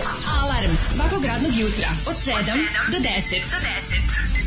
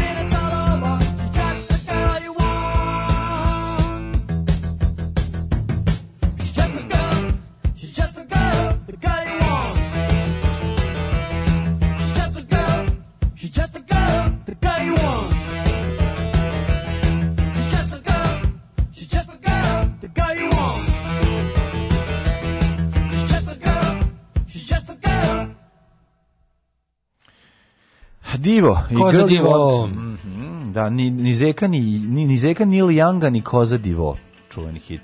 Jeste, komšo kafanja potrošio preko 1000 evra i onda krenuo kući na crtu uzeo kutiju cigara. A, u. To je teško. Zamislite, čoveče. Um, kaže, pa eto, i vi kad ste bili klinci ste se opijali, kladili u plate, gubili sve, naručivali pesme u kafani, a nešto kenjate današnjim mladima i vi ste bili govna. Nije to Nije isto. To Mi nismo imali svoju malu staru ustanu kafanicu sa starogradskom muziku. Ja sam, tako, da, tako je. Tako je. Šta se kad nosiš svoj CD, svoju kasetu ja sam i možeš Cox Barer, we're coming back za, za, ono, za, dva, za, za 20.000 dinara. Pa ti vidi, da, daj sve kao na bajku. Evo koliko treba, koliko treba. Daj svirim iz parere na uce, Paganini. Svirajte we're coming back, dunjo moja. we're coming back. To nema veze sa ovim malim to usranim govnarima što su odmah matori. Mi smo bili mladi, pa bili, mladi, Mi smo tražili se mladalačke pesme. Tako U mladalačke kafani koja nema stolnjake, nema ni stolove. Tako je. Ja nisam naručio sedam samuraja s Petrova Radina. Tako je. Tako je. Uh, kaže, jao, kakve kolege imam, bolje da ih nisam dodao na socijalne mreže. No, šta se dešava? Pa da. A mržnje prema Crnoj Povodom situaciju u Crnoj Gori. pa, Bog vas pa da. kleo pogani izrodi. Mm. Kaže, ti si 94. A da vidiš kako mrače, kaže, spasite, ali treba nekom našem Angular developer. Aha, ne, je bila vera Perović. Kažem, pa, pa čekaj. ti ugaoni, ugaoni razvoj, raz, razvijač. Može, ima, kao meni ima jedan oštar ugao, ako možeš to da vam da, reći. Znači, posao ugaonog razvijača, da okače. Ja, e, ali ne, a sad, sad ozbiljno, šal, šal na stranu šta taj čovjek, šta taj čovjek radi. radi. Mislim, deš, kako možemo da mu pomognemo. Evo ovako, znači, posao, uh, um, e, e, kombinativo Lola Ribar iz Vrnjika traži, raspisuje konkurs za, za ugaonog razvijača. A ne, šta radi taj čovjek? Angular developer. Da, šta mu je pa posao? Pa nešto s kompjuteri, nešto razvija. A jebe mu Miša, ako ne ti ne možeš da nađeš posao, pa ko će naći? Da. Eto, od kad je ušla lova od narkotika u, u filmsku industriju, možda tu ima budućnosti za tebe. Hvala Bogu, Ko peri, zna? peri malo, peri kad ti je da. poželji. Ove, dajmo, dajmo mi jednu, jednu, ovaj, jedno predviđanje vremeta. Ajmo hidmeta.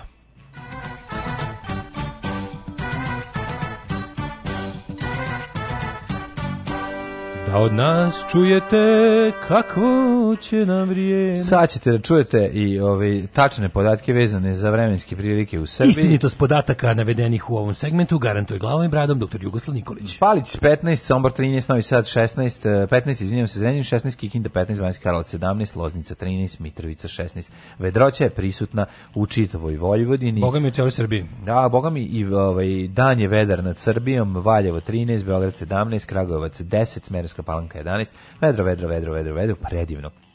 Veliko gradište 16, Crnih, ovo je recimo vike, prava vikendična nedelja. Vikend ko može, ko može ovu nedelju da provede Neradno. u senci, Divlji smokve, kestene i da ovaj, otvori usta da mu one samo upadaju u usta, pa to nema ništa fuj, lepše. Fuj, to ti kod ti neko kenjar govori. Crni vrh 12, Negotin 13, Zlatibor 12, Sjenica 3. Sjenica 3. Ti znaš kako izgleda ti neko Kenja odgovore. Gledao sam nemački film, Veroniko Mozer, da, da, opus da.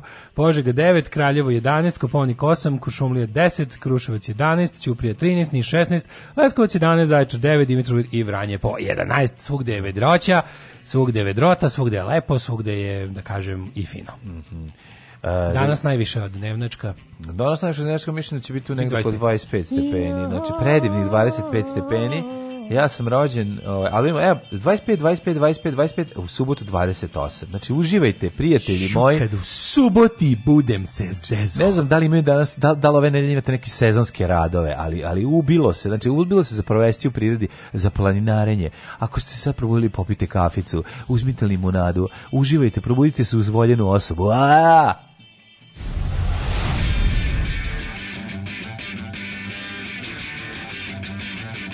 sutra idem na razgovor neku pekaru.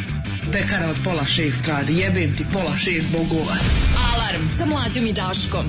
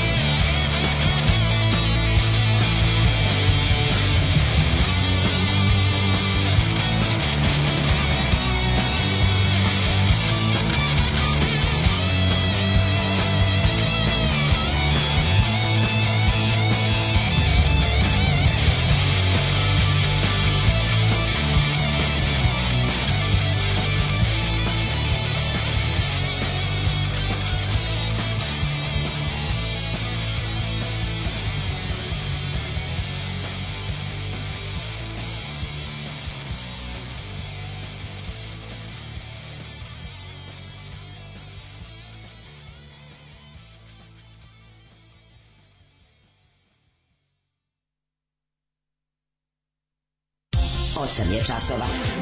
Radio Daško i Mlađa. Prvi program. E, sad sam na vidio najbolji stan ikada na svetu i pregorila mi je dioda pa, za, za, za premijer Ne znam, taj luk mi baš nije nešto posebno. Ne, ne, ne, taj luk je nekako nepotreban. Ne Mađe te obušen da u planinu. Odlično što je obušeno. Znaš, planinu. Obušeno, pa pogledaj ga jebate. Pogledaj, pogledaj kravicu. A, da, stvarno. Ili dalje da. ne voliš luk, pitam ja tebe. Mm, lepo je. Strašno. Volim te hobitske što su u, ja, ušuškane u, Ovo, je, ovo je ogromno, ovo je, ovo je mala hala ubušena u planinu. Da, to će isto ovi ovaj, baš... Imam im nekoliko pitanja za, za građevinske inženjere Angle, da, mi objasne, da, ne, da mi objasne kako, ovaj, kako se radi to kad se u, u, uziđuje, kad se ubušava, kad se ubušava u, u, unutar planine, you prostorija. You pre, pre napregnuti concrete. Misliš? Opet ne, neki, neki grede se stavljaju. Pa kako spravi ulazak. Pa da bi dobio to lepo. Ono, kao, ne moram. to, ne to, ne da stvaraj, nego kako se inače kad se rade kad se rade podzemne ove ovaj, prostorije na koji način se se to ove ovaj, sređuje mora, kako se mora reinforced concrete zato što svaka rupa te teži da da ne da, da, da se uruši razumeš onda mora da stoji nešto što će Kako ne svaka rupa koja je u stanju slobodnog urušavanja mm, da. želi to da stanje nastavi dok ga druga A, e, sila ne pripremi da to stanje promeni kaže Sali Spančeva ne znam da znate mala zemlja smo i grad je dobio baš ime podarku Michael Williams, glumac koji je stekao slavu kao Omar Little u seriji The Wire, je mrtav u 54. godini. Pa to je baš, mislim, premlad je umro. Dokle više ta Veronika Mozer, Roko, kada ćete posvetiti vreme novim generacijama? Jordi, Freddy Gong, Juan Manuel Caballo, kaže drug Kulen. Pa ne znam. E, ma gde bre mladi izmislili kafaning? Sećam se, ja sa ocem odem u kafanu, popijemo, pojedemo, krenemo da naručuje koktel i prsluk band, dođu muzičari i kažu nemojte, molim vas, mi samo smemo da sviramo ovaj, od bendova Amadeus band krene tu neko da se buni, najđe bijela i prebije nekog reditelja. Ej, Čanak dobio pare od Mila, ne znam da li on Ivica Dačić objasnio. Barem nam ne prete da će nas na traktorima ćerati u Srbiju, Krivokapića smo dočekali kao Njegoša, a on skoro ništa nije spomenuo. Ne mogu, ne mogu. Ko to kaže? Izvini, Krivokapić dočekao Njegoša, ko, za koga to kažu? Ko, ko daje taj glup intervju? Ne znam. Andrej Mandić, ko? Ne Znači ja ne mogu, znači ja, ja meni se juče sam bio u fazonu neću pratiti zašto Da, pa ne treba gledati. Ne znam da li će me više iznervirati vlast ili opozicija u mhm. Srbiji. Mm -hmm. To je takmičenje u bradi neviđeno ono. Tako je. Ovaj moja sestrična ima 17 godina, pankirka još kad je pre dobri 10 godina pitala teto šta je to pank, iako je mati od malih nogu utrljava najgoru seljanu u mozak. E, tetka, ujak, to ti je, znaš kako, znaš kako kaže ono kao za, za tetku kažu kao it's like mom but more cool tako i ujak it's like dad De, but more cool more cool pa dobro i zadatak ujaka i tetke je da budu više cool od roditelja pa i teče i a to i, tih i svih ali ovi su, su ti direktno kao razumiješ da, da. znači to je zadatak ujaka i tetke je da budu više cool da budu dobri ali da budu oni što će ti oni što će ti kupiti petarde kad tata neće oni koji hoće, mislim, oni su ti Kad e, dobri. Kad se tata što... pravi da zna da ne gde su da ne zna gde se kupuju petarde, a zna dobro. Stric onda uvijek zna. Stric je omiljen ili kujak je omiljen. Strije, dok stric ne, uvijek te, stric je divan dok ne počne ovaj scenarij od filma život sa stricem. Yes, e onda je malo veći. Onda tu tu kurac. E privatni privatni boravak u ško, sve više roditelja moramo opet oh. brinemo o deci čuvanje dece posle škole sve popularnije, koje su prednosti? Koliko Private si, staying! Ste bio zarobljenik ovog boravka? Nikad, moji su moji roditelji voleli. Da, da, da. Ja sam, ja sam voljeno dete i željeno i voljeno. Mm, mm, mm kako moji, kako moji drugari koji, kad ja krenem da serem, da ljudi koji koji ovi roditelji nisu volili, da- znaš ti ko to, to nekako ljudi zajebao se, nemoj da sereš ti! boravak je bio super, mi tamo uradimo domaći, pa smo posle slobodni. Ja, ja ni ne uradim domaći, ako mi se ne Meni je bilo tužno kad vidim decu dolaze u boravak, a ja idem kući. Bukvalno. To je baš bilo ono kao ono, da, kod da imaju pa produžetak vojnog roka. Moj razred nije, kod nas su bili boravak razredi. Znači C i D su bili boravak razredi, A i B su bili ne boravak razredi. Onda je bila varijanta da kad ovaj, e, u drugim školama, na primjer u Ivo Ribar, varijanta je bila da jedan, jedan razred se deli na boravak i ne boravak. A, pa da, da. Ove, ovaj, na, to je naš drug Nenad. Da, ima ga ovaj, u kuriru na 16. strani. Če da, ne, da je sad iz te ekipe, ovaj, rekli smo vam šta je bilo, da, da. naš hosting by internet ride, da naš drug Nenad jedan od onih ovaj kako se zove ljudi koji uhapšeni u akciji protiv hakera koji su navodno oštetili ljude u Americi za 70 miliona dolara. On pokušava da dokaže, ne mi mu isto verujemo jer sve što nam je pokazao i znamo čoveka, je, mislim čovek koji ima 70 miliona dolara ne, ne daje, ovaj ne cima se da pomaže Daškoj mlađu bilo čemu, tako da ono ali je čovjek stvarno užasno, užasno, užas, užasno, užas, najbolji da, da, u državi od da. kriminalaca i sad da, da, najveći problem. Ljudi, ljudi ne znaju da je recimo on taj koji je zapravo alarmirao što on je uhapšen nakon što je što je alarmirao nešto nije u redu, da. Organe reda da se mm. dešava nešto čudno. Sve, sve to je jako čudno i nadamo se da Mislim, ne znamo kako da mu pomognemo, osim da povremeno, kad god on ima neke, on, on se i dalje trudi da, da, ovaj, da nađe neke nove podatke, nove dokaze, da ono mu pomognemo da, da, da ti dokazi dođu ispred ovaj što većeg broja ljudi da tužilaštvo nešto konačno preduzme da se zaštiti u gomili bukvalno da se zaštiti u da, da, gomili da, da, da, da, mislim ovaj mislim da neće biti izručenja da ta odluka je ove od neće neće biti na bar u njegovom slučaju mm -hmm. od nekih ljudi koji su sa nanogicom pušteni na na da se brane sa slobode dvoje je pobeglo Dakle, već možete da pogađate gde treba dalje da tražite, on naravno nije.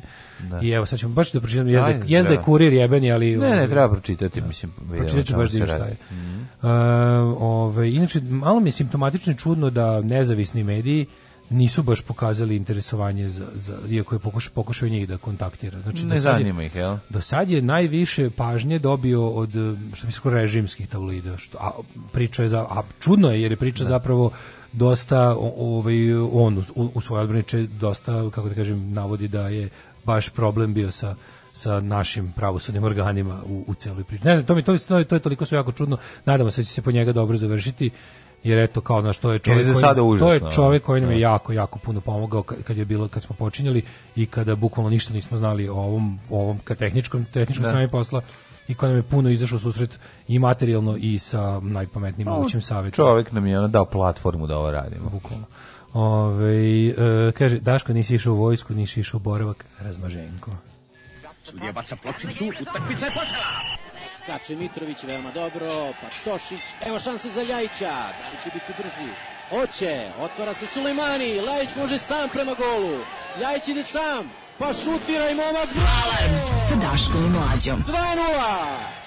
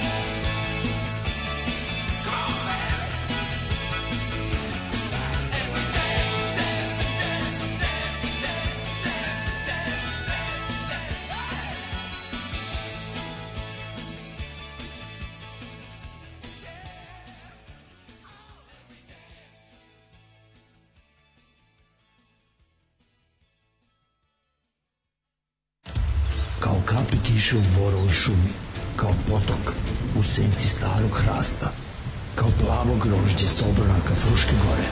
Hemogrozd.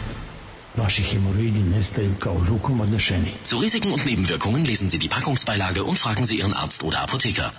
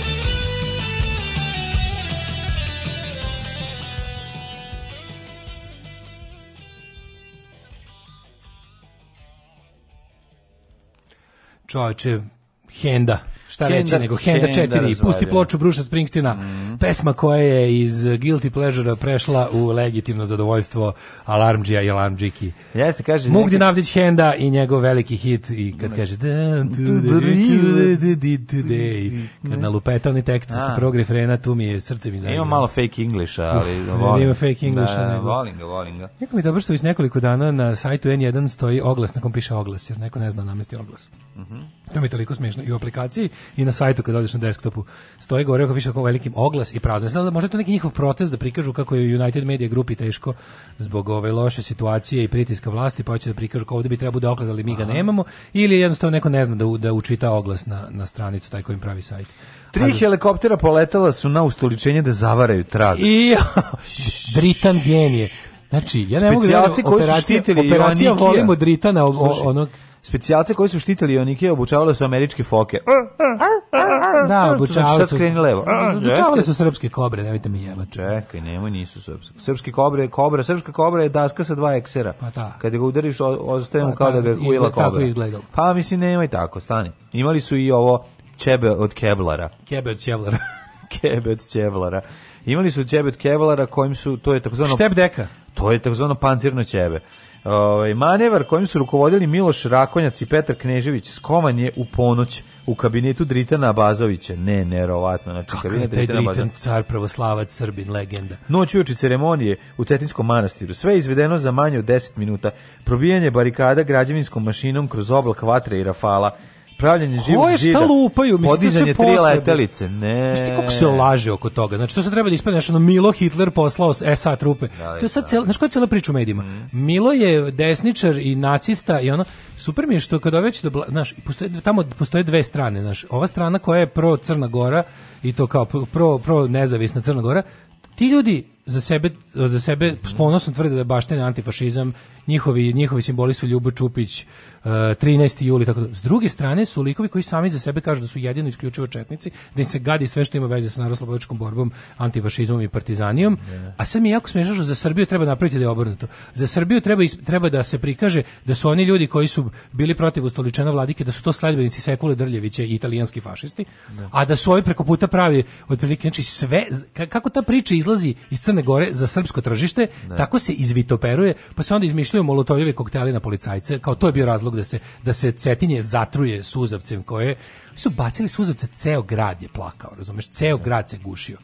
Cetinje iz tako izgleda da kad ono kad ga tako natruješ momački ono ako ko oni su bacili znači sad. stoji prazno prazan grad nema nikog znači tamo je jedan kanister suzavca rasterao sve jer je tako napravljeno da jedan kanister i može to da uradi Oni su sedjeli tamo ko budali i satima ispaljivali te, te, te suzavce u nijušta koji bi tako eksplodirali i širili taj oblak. Mislim, to je sa, sa, sa ono kao sa lovčine izgledalo kao ono magla da se spustila u gradu. I onda cijela priča e, to spektakularizovano. Lovčina suzačeva magla, to će biti sad mnogo uslarska pesma. Mnogo uslarska pesma, da, da, da. da. Znaš, i onda kao kad, kad, treba da ima, kad trebaš da objasniš dalje šta je tu, kako to ide, pa e, pokušaj da se bilo koja A to ove zapravo ove demonstracije su pokazale nešto nešto nešto po meni dugotrajno možda dobro za Crnu Goru trenutno sad izgleda kao, kao haotična situacija, ali to je da taj pokret, državotvorni pokret Crne Gore će se konačno možda odlepiti od Mila Đukanovića. Jer ako malo, oni koji malo bolje pamte, znaju da je Cetinje, dok je Milo Đukanović bio duboko u Miloševićevom dupetu zajedno sa Momirom Bulatovićem i Titogradskim korpusom pravio svinjarije, Cetinje, Cetinje bilo je bilo nešto drugo. Da, da, da. DPS Milošević. Pazi, DPS zapravo nikad nije dobro stajao na Cetinju. To što je DPS jednom promenio priču, otkupio program Liberalnog saveza mm -hmm. i počeo da bude independentistička stranka, to je nešto drugo. Ali zna se da je Cetinje je bio dom LSCG, dom ideje o nezavisnoj Crnoj Gori, antiratnoj, antinacionalističkoj, građanskoj, multietničkoj. I to je fakat. Ti kad pogledaš imate na YouTubeu koliko hoćete, ako ne verujete meni, možete svojim očima da verujete. Imate antiratne skupove iz 91., 92., 93. Imaš proteste protiv uh, onog što se dešavalo u Srebrenici, dok se dešavalo u Srebrenici. Znači dok se ceo sve, dok se ceo Balkan pravio blesav van Bosne, tamo su ljudi bili uporno protiv rata i protiv agresije. I sad to je takvo cetinje koje koje ne, nikad zapravo nije verovalo Milo Đukanoviću zato što znaju da je bio i jedno i drugo ovaj put jeste kako da kažem, bilo s njime oko ove stvari, ali isto tako je pokazalo da ako se ono što možda bude dobro po crnogorsku stvar, da više jednostavno taj čovek ne bude, kako da kažem, glavni e, motiv i glavni glavni izgovor za delegitimisanje crnogorskog ovaj crnogorske stvari.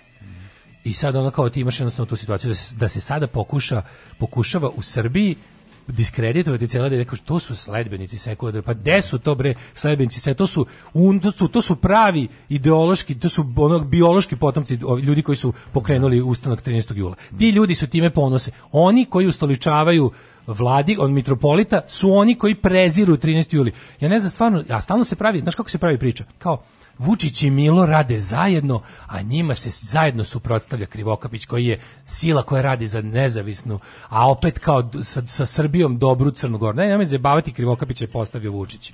Koga bre vi zajebavate? On je deo koalicije. Izvini, ako je taj, ako je Vučić toliko protiv Krivokapića, zašto ne naredi uh, Andriju Mandiću da ga sruši sutra? Mislim, bez da oni imaju većinu od jednog čoveka. To ne sme nikada da se zaboravi. Znači, ta, ta trenutna crnogorska vlada koja radi sve ove, ove stvari za, u korist Srbije, a protiv Crne Gore, je opstaje zahvaljujući jednom čoveku u parlamentu, jednom, jednom većini od jednog čoveka. Mm. Demokratski front ima samo da, ako se ne da, da. varam, 10 posla. Taj odnos je ono, I on bi, dosta tesan. Da Vučić stvarno želi da, znači to, to, to što se prikazuje da, je, da su Vučić i Krivokapić su protivljene strane, a prodaje nam se priča da su Milo i Vučić ista strana. A to je smrdljiva i u opoziciju na priču u Srbiji. To je, to je priča koju zvanično furaju i Đilas i Jeremić. Jer naravno, srpski nacionalizam je iznad bilo koje politike. Uvek će se ujediniti oko tih ciljeva I ona mi je jedino što kaže što mi je drago što se što se formira jedan isto tako ono kao pokret koji neće više nadam se ono kao e, biti stalno vezivan za Mila Đukanovića koji je potpuno diskreditovanu ovaj ličnost. Mm -hmm. Ali ne, ne znam stvarno odakle će crpeti financije, pošto samo taj čovjek ima para na ovoj strani. Gle, ali, gle eto, mi, znaš, kao, moguće da će se opet taj pokret vratiti, ne bi trebalo, znaš, kao da, da se vrati opet u neku vrstu undergrounda i, i, i neku vrstu ograničene Znaš kako Milo ima para? Znam kako koliko ima para. Znaš da zavisiš kako? Znam, da. On je to 20 god, 30 god. 30 ne, apsolutno, pazi. On, on... Znaš, ideja kao, ideja da sam ja ikad u mom životu morao, da, i, i, dalje ću imati potrebu da ga branim od nekih ljudi, politički, ne, nikako da. zbog njegovih, on, on čovjek je vjerojatno zaslužio. Milo ima više para od Đilasa. Da, ima više, mislim, Milim jako puno para. Ali jako puno. Znači, mislim, taj čovjek vjerojatno treba da sedi u zatvoru do kraja života za, za, za, za ekonomske, ono kao... Malverzacije. Malverzacije koje je da. počinio ako ništa drugo. Ali hoću da kažem to ne, ne treba da diskredituje stvar da kao da tamo je bio bre sukob ono jednostavno nacionalističke politike, a to što je trebalo za potrebe srpske javnosti da se prikaže da se tamo sukobljavaju dva jednaka nacionalizma, to nikad neću prihvatiti jer znam da je to laže. Znam ko su ljudi s jedne, a ko s druge strane. A što se ovde bukvalno prikazuje obrnuto, to me posebno zabolelo i to me da. posebno nervira. E, helikopter koji je prezvozio vrh e, Srpske pravoslavne crkve nije otišao pravo iz Podgorice za Cetinje, već iz Podgorice ka moru, pa odatle za Cetinje što bio deo taktike. E, Kako, a, a, s kime ste vi to tak? Znaš, to kao to kenjanje da je postojala... Ne, tri helikoptera su krenula. Koje su to sve laži, majko Bože. A pa dobro, znači... kažem ti, jedan helikopter Ove... Pazi, prva laž. Demonstranti bacili molotovlje koktel. To, je, to je izmislio, ono, to je Ura izmislila, a Krivokavić iz Papagajsa, pa su onda napravili neki snimak dva dana kasnije. Kao evo imamo konačni snimak, ono policija stoji iz neke ograde kakve nije bilo tamo. Znači drugo, onda bilo čudno jako što je policija, to je neko primetio juče i počeo da kruži taj snimak.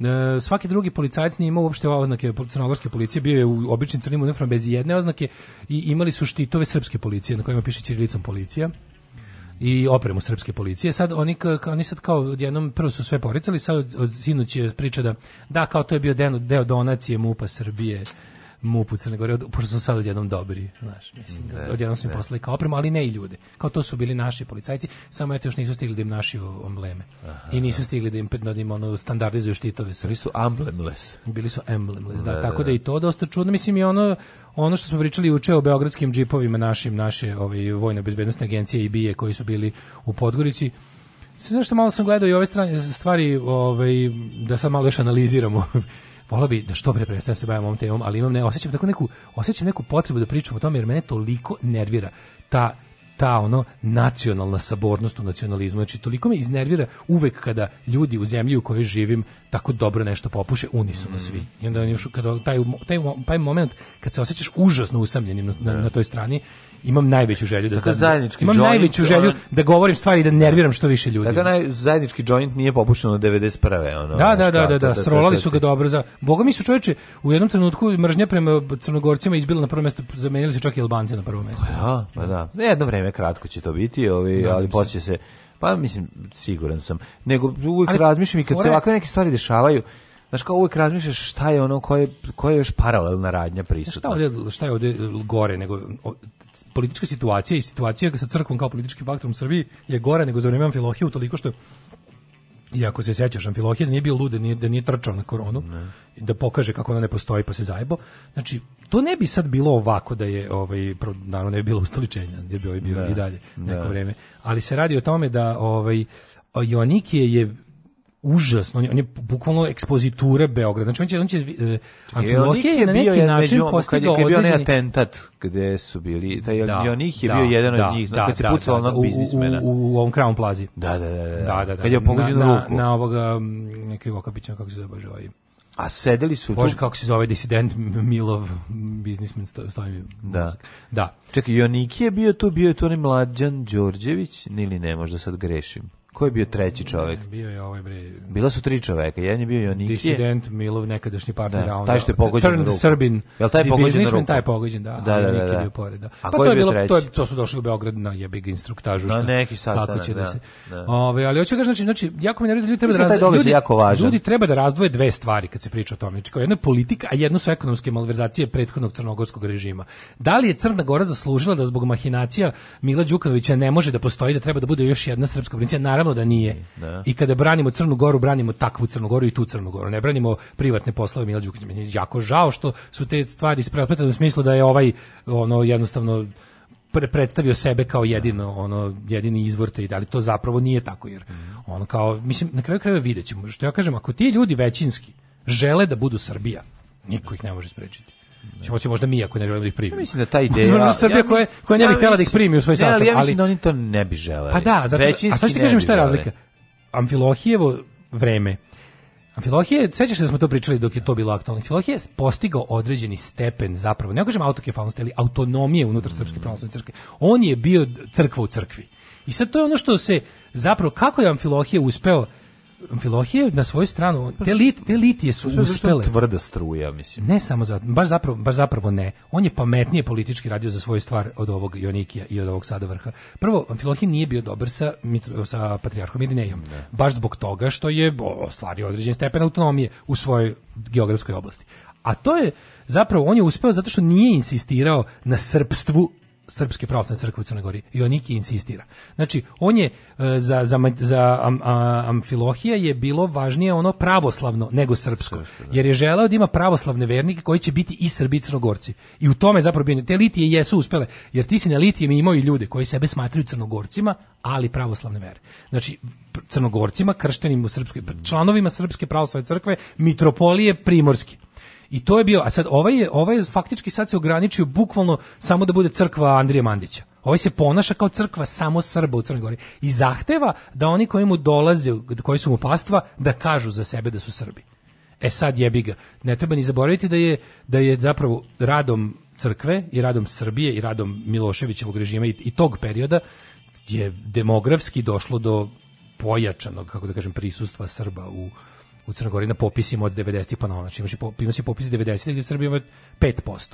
Tako se izjašnjava. Imaš sledeći popis 2000 gdje se 30% izjašnjava kao Srbi. To je ogromno, šest, u šesto stručilo se, razumeš to jeste bilo delovanje crkve na prvo mesto. I e sad, ono što je ovaj ipak radio pametnije, bio, bio, znaš, isticao je, na primjer, ono kao i ti njegovi saradnici su uvek govorili, mi smo crnogorci pravoslavci i želimo dobre odnose sa našom, jer u, jer u Srbiji je, znaš, kao sedište naše crkve. E, ovaj je otišao korak dalje i zato ja mislim da sad, mislim da to, ne znam da li će to, to će, sad, ili će on ubediti više ljudi da tamo budu Srbi, ili će se jednostavno ljudi koji su crnogorci pravoslavci otuđiti od te crkve, to ćemo vidjeti.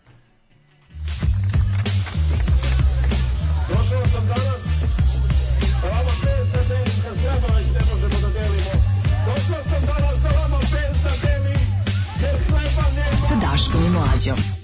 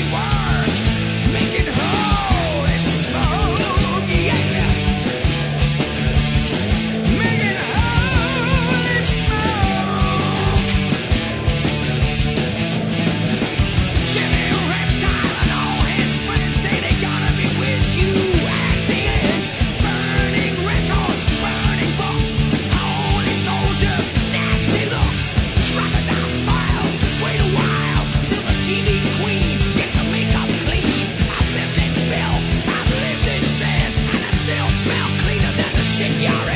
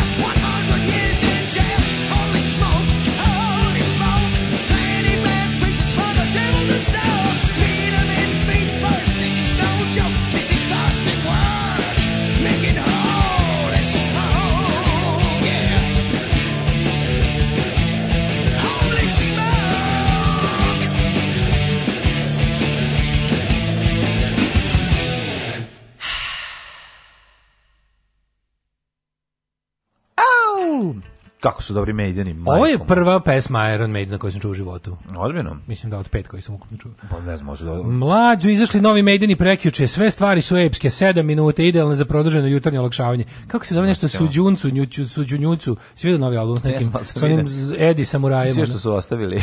šta? što, što neko Hrvatsko je ostavio, izvinjam se. A da, izvinjam se, izlazi novi album, pa da jako, imate da, da. razumevanje, ćemo da, da, a, da, ćemo da analitički preslušavati otpanjeno, kao što je Jel Đavo i zapovedio. Tako je. Ali je, ovaj, da, nešto su Sunđicu, kako da Suđuncu se album zove. A šta kao Japanac je? Ne, da, o ovaj Eddie Samura. Eddie je Japanac. Ja, jako jeftino izgleda. Ja, da, ja sam bare Maidene volao zbog tih jako skupih, epskih, ove, kako se zove, paintings na omotima.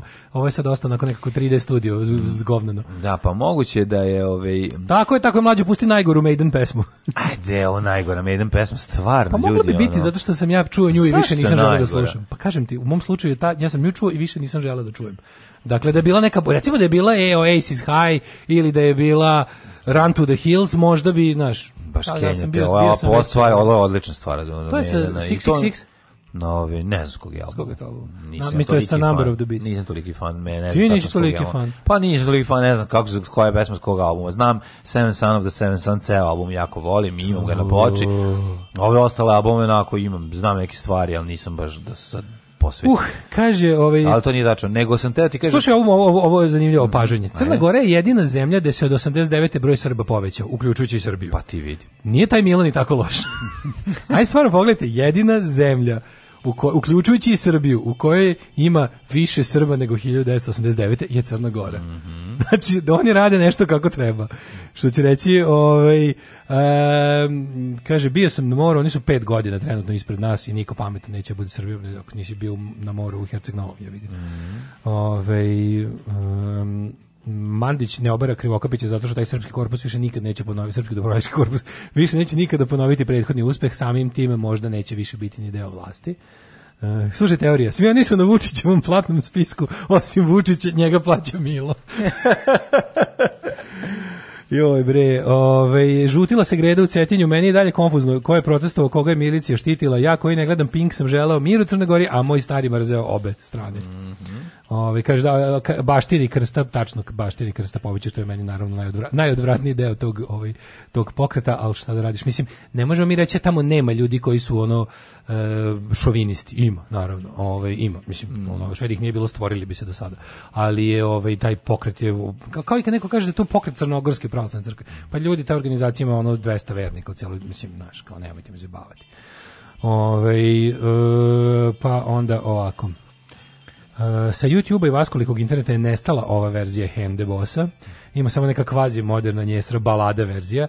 Nadam se da vaša fonoteka sigurna i da će originalna verzija kad tad vaskrsnuti. Sigurna je, Kako mirno spavaj, nano, sve je zaključeno. Džabat i kapije. Ove, moje srce nije džabat i kapije. Ovaj, članak dobio pare od Mila Dačić oštro lidilo se va. Meni sad jedna stvar da. Ove, ovaj, me zanima vezana za, za i ovu priču ovi, ovaj, o, o izborima i o prvo Vučić se dao neke datume, moguće neki april je neka. Čanak je otišao na Cetinje, ne bi li bio jako velika opozicija Vučiću mm. pred naredne izbore. Mislim, to, da, to je igra da, koju smo vidjeli da. zadnjih tri i četiri izbora. Od kad su ono kao se Čanak i Vučić sjedinili, svi smo mi jedno Aleksandru da. Vučiću, kao kaže Biblija, Ove, ovaj, od tada svaki put pred izbore bilo lokalno ili bilo koje da bi oni mogli da nastave da posle posle izbora budu u koalicijama, moraju malo pred izbore da budu ljuti neprijatelji. Da, I to je toliko smešno. Pa smešno je zato što Ali uvek se nađe neš, neki događaj da se iskoristi da kao znaš da bude kao da no, e kao imamo sad Crnu Goru, ti ćeš tamo da budeš pro Crna Gora. A pritom ćeš sa svojim velikom, ne zato što ono kao čanak i simbol za morati da vidimo ponovo neke uratke, oni će imati neke video uratke koji kojima će nas gađati još jednom, nakon, kao, još se misliš nisam... nešto kao Čomić? Pa da, da, ono, znaš, kao još od... Pro... A mrštit će se Nena Čanak da. ponovo nešto u kameru, biće će da. nešto kodira u Vojvodinu, najbolje u startu, Biće mm. tako nešto da svi kažu, ja, ovo je simpatično, kao, znaš, ali ćemo, on, naravno, to, mislim, kao i pred svaki izbor. Oni treba, kao, način da, znaš šta će biti, opet će im Liga sakupljati potpise, opet će po direkciji neko morati od SNS-a da glasa za Ligu, što Liga je pravi primer ono kao, plavi primer karakter sa da. ono da, karakter ne ne da. assassination nego suicide. Suicide. Da. Character suicide. Znači mm. ono kao od jedne partije sa kojim se identifikovalo mno, mnogo ljudi koji nisu bili ni članovi, ni simpatizeri, koji su zaista imali... Sviđa, Liga je kod mislećeg sveta 90-ih i ranih 2000-ih van, hoće Liga imala, Liga imala izjebancije odbor u Smederevu, to je bilo toliko genijalno. Da. da su ljudi teli čisto da pokažu da se ono, da, pa da poštuju da tako nešto, da su pa da. antiratno opredeljeni. Pa, da. Bile su tako neke Zabancije, znaš, kao po, bile počasni odbor u Smederevu, da. slične Zabancije kao ljudi, znam, ono, kao moji prijatelji iz 90 su bili kao možemo mi da sučanimo u člankovu, u člankovu partiju, ja ću reći, ja bih recimo osnovu Zaječaru odbor, pa da. drugar iz Vranja isto to rekao, Zebanci, Leskovca, hoćemo mi da budemo Leskovački autonomaši po receptu lige.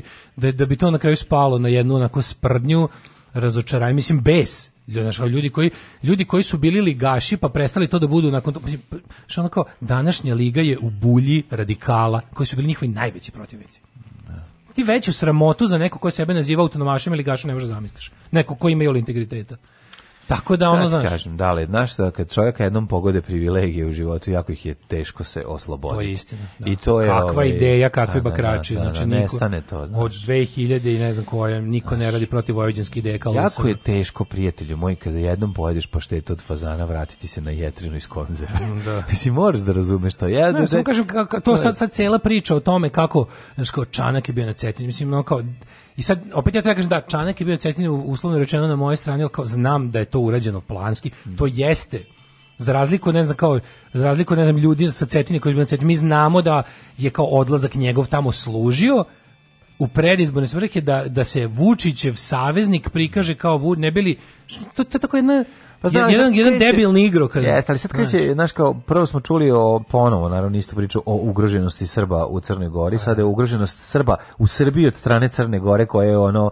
kako smo saznali iz Vučića, a Crna Gora neće više krojiti kapu, a, pa, ono, da, da naš, da, kao... Da. Rešili smo se jevreja, da. Ne, nego, šta, strašno šta nam rade, naš, ono, Rešili smo se tajne jevrejske vlasti, samo, s druge strane, samo na, na Dokle će pošteni Srbi koji su manjina u Vojvodini trpeti ono teror Vojvođana. Pa to, je sada, znači, da. to, to, to, to je isto paralelno. Pa nije, to jeste paralelno. A teror Vojvođana će biti oličen u čanku koji podržava Milo. Kapiraš, to je cela priča. I onda je varijanta tada kao, naš čanak ode tamo i kaže sve što treba se kaže. Ja sam gledao njegov intervju za, mhm. za televizije u regiju, ovaj, kad se vratio kao dao iz, izjave za televizije, i on kaže sve što pa kaže, mesto, pa da. uvek će biti da. na mestu, jer on, jer kao, jel sve što, znaš kako se to kaže, sve što Nenad Čanak kaže je 100% tačno, da. sve što Nenad Čanak radi je 100% pogrešno. da. To ti je tako jebi ga. To je bukvalno pravilo.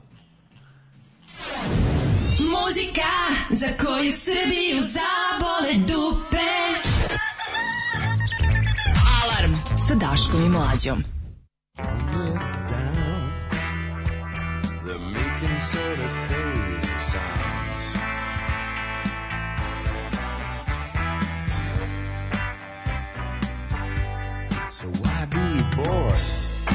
scared you?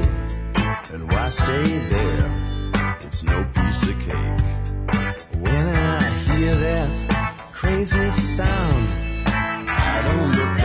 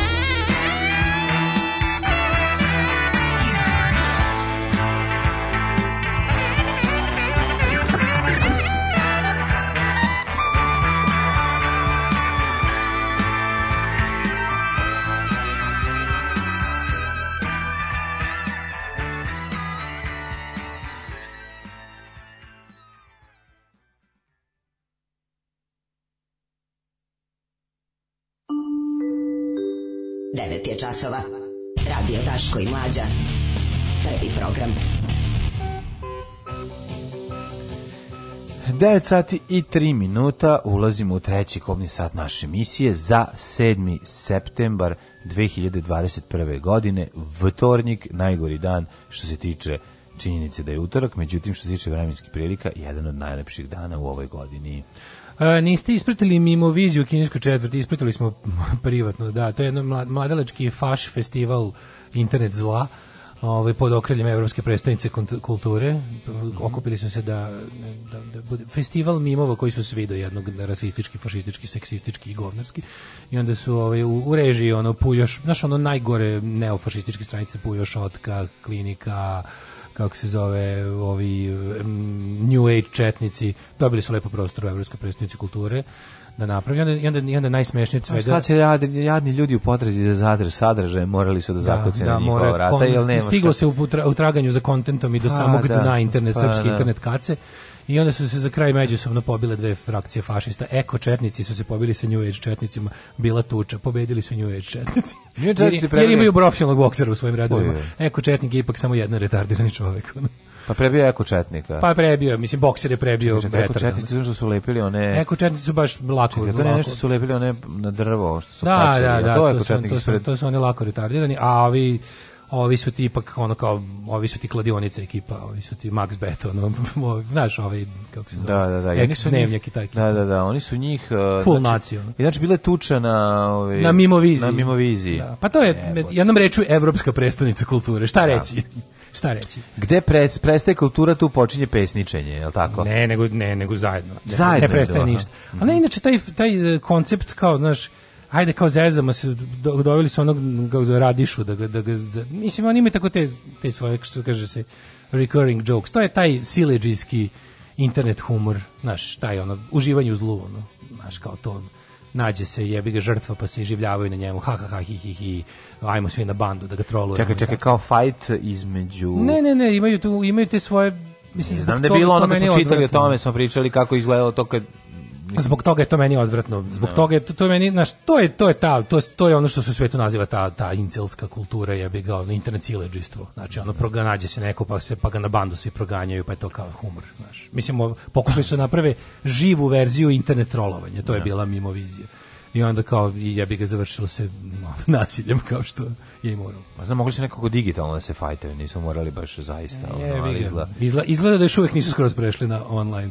Da. Izgleda da je da, ovaj, da ljudsko, u ljudskom organizmu ima nešto što... Bilo bi da pošteno da se ono dohvate u Street Fighteru, recimo, ili u, u mm. nekoj igrici. A kako nisu mogli da odole kad su vidjeli da im, da im, je, da im je taj, da im je, da je internetski protivnik ono baš slabotelesni nesrećnik, kako da ga profesionalni da. bokser ne, iz, ne da, mislim. Situacija. Sve nekada su se za takve stvari, znaš, da nekada su se za stvari kada bi recimo registrovani da. bori, borac boračke veštine, kada bi tako zloupotrebio svoju veštinu van ringa bi bio do, doživotno diskvalifikovan. Sad ga kontam da mu to samo podiže rejting u, u, u sportskim krugovima, mhm, pod znacima navoda. U ovaj. narednom satu, u narednom satu, hej, dale samo da te zabrinem, ovaj, komodo 60 Kaže, bio, Zmajevi. Bio, bio sam na uh, Avenija Mimova, svakih pet minuta, pet, pet minuta bi bilo dranje, nije se desio genocid u Srebrenici. I, i, i, onda bi vikali imamo pravo na slobodno izražavanje. Kaže ti ultrafašistički festival, znači sad, in, to ti se zove, to ti internet sileđistvo. Mhm. Znači, znači grupa internet sileđije je dobila od grada sredstvima Evropske predstavnice kulture mesto da se uz, u stvarnosti, u stvarnom prostoru, o, stra, o trošku svih nas, pokaže i promoviše. Tako da jebu nam svima pas mater. He, ovaj, e, ja mogu, da, mogu samo da ti kažem jednu stvar, a to da sam ja, može se reći, pionir mimova u ovom gradu. Jesi, jesi. Jer, a, i zašto? Zato Mim Hajlo Pupin. Ja kad nisam znao šta... Ti si Mim Hajlo Pupin. Ja sam to čitao kao meme i mnogi kao i mnogi su čitali meme, ne znaju šta je to. Meme meme, meme, meme, imamo meme. Imali smo jednog čovjeka koji je dolazio u CK i objašnjavao je šta su meme. A ja sam sedeo pored i gledao to tako I da u to vreme... Šareno. Nisam gledao šareno, ja sam shvatio, onda on objašnjavao da se to kaže mim, na što su opet ljudi govorili meme, meme. A znaš ko je, ko je izmislio mim? Ko je, ko je autor tog termina? Ne. Richard Dawkins. Mimoslav Mima Karadžić. Va, Vatroslav Mimica. Ko Richard Dawkins je uveo mim, no, kao, da, kao, kao termin za objašnjavanje ovaj kako se zove o, mm, dužine pažnje meme, jednog mladića. Ne, zapravo ne, on je time da on je on je meme definisao kao socijalni gen, neka vrsta da. socijalnog ispoljavanja gena, Aha. socijalne ver, verzije gena. Verzije. E pa sad ću ti kažem da ovaj izlazi imovi previše dugački, sad mladi tra, traže pošto još pa, kraću formu. Kraću formu pažnje, pa ona biće ona jedna sekunda, jedna sličica u 24 Ne, ne jedna biće sličica, jedna, jedna 24 sekunde. sekunde. Pa to ti kažem, jedna biti. sličica, ono, kao, koliko mogu da istrpe. će biti. Dakle. Ne mogu ništa više ne od frame Brate, brate nemoj biti boomer, nemoj me smarati da štrebam. Znate, imam pažnju jednu 24 sekunde, Ali sve ostalo je boomerski. Jedan mladić ovaj, sa Limana je ovaj, na UCK imao zanimljiva predavanja pre 10 godina, recimo, Aj. o da. tome i pokazivao, onda su, su, sakupljali smo se Sa CD-a su se puštali mimovi. Mislim, baš je, baš je prve, bilo... Mi, prve mimove dono nam je da na CD-u.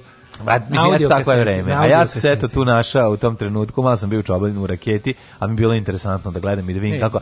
Nek, moram da priznam, znao sam da sam, na, je. da sam na osvitu jedne, jedne nove kulture, da. jedne nečega novog, ja sam to odmah prepoznao i, i, I, i, i, i u rado, sa radošću se slikao sa mladima. Sa mimom. Eto da, sa Karadžić. mimom.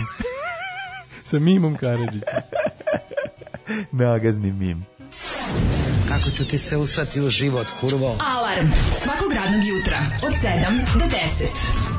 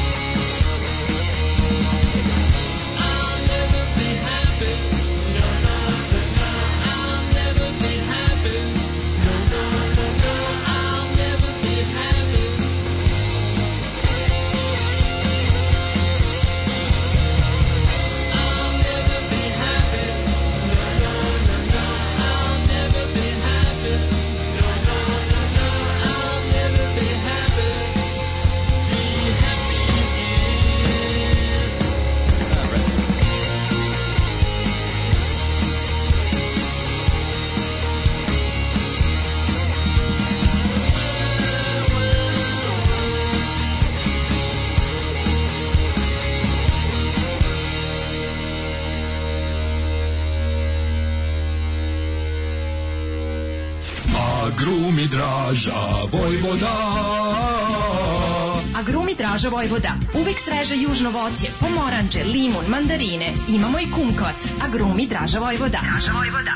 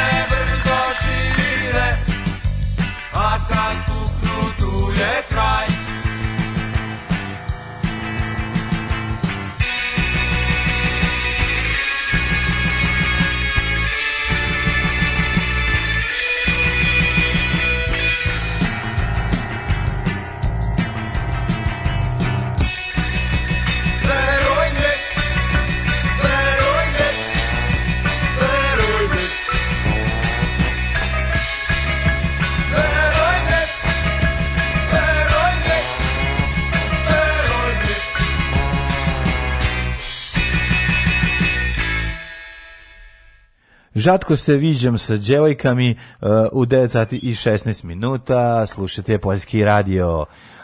E, dobri džen. Kaže na stranu mimo vizije tih kreteni to, ali Radašin kako priča vic, to je nešto najbolje na svetu. To je toliko neprijatno da bi laboratorija u vazduhu mogla da izdvoji atom neprijatnosti, upiše ga u periodni sistem, tamo se može doktorat iz psihologije napisati.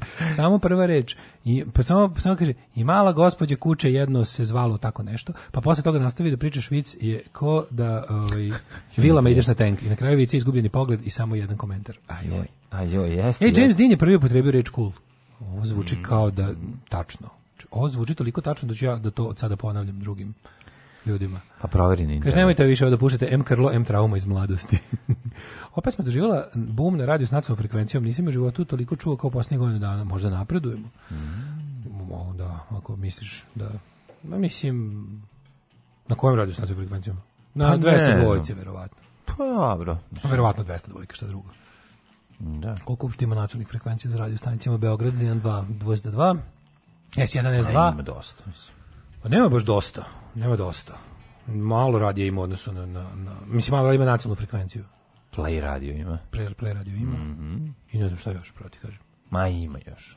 S1, S2. Da. Jel ovaj, e, da li ovaj, kako se zove, Karol, Karolina, Karolina, Karoline, Karolina, pa onda one. Da, moraš da se vidi, fore, da bi dobio nacionalnu frekvenciju. Beseda, moraš... Da... jel ima? crk, mislim da crkveni radio ni jedan nema nacionalnu frekvenciju, nego ima ono kao mrežu raznih različitih, kako se zove, ono pre, kao lokalnih varijanti. Koji je šta prenose kad ide Pa da, da, i da, ne, da nemaju svi da. isti program isto vrijeme. To mislim. Mm. Čini mi se, čini mi se da nema crkveni radio s nacionalnom frekvencijom. Mm. Ja mislim, ali da. Dale. Kaže, kakva nepravda Daško ima Viki stranicu, a dobri čovjek mlađa nema. To ste I, delimično vi krivi. Vi ste krivi. Imao je, moju da. ste, da. moju ste, moju ste valjda kad ste silovali obe stranice, jednu ste, jednu ste nekako preterali ste moju pa moja njegovu ste preterali, da. da, da njegovu da. ste pre previše. I onda su mi obrisali. I onda su umesto da je ono kao moja se valjda još mogla i raskrsk raskrčiti, da. ravno pa da ostane da iskrčito ima tu dobrog podatka. A baš mi žali, baš bilo. A mlađina je komplet bila lupetanje, da, i onda, i odlične, onda su ubili. Ono.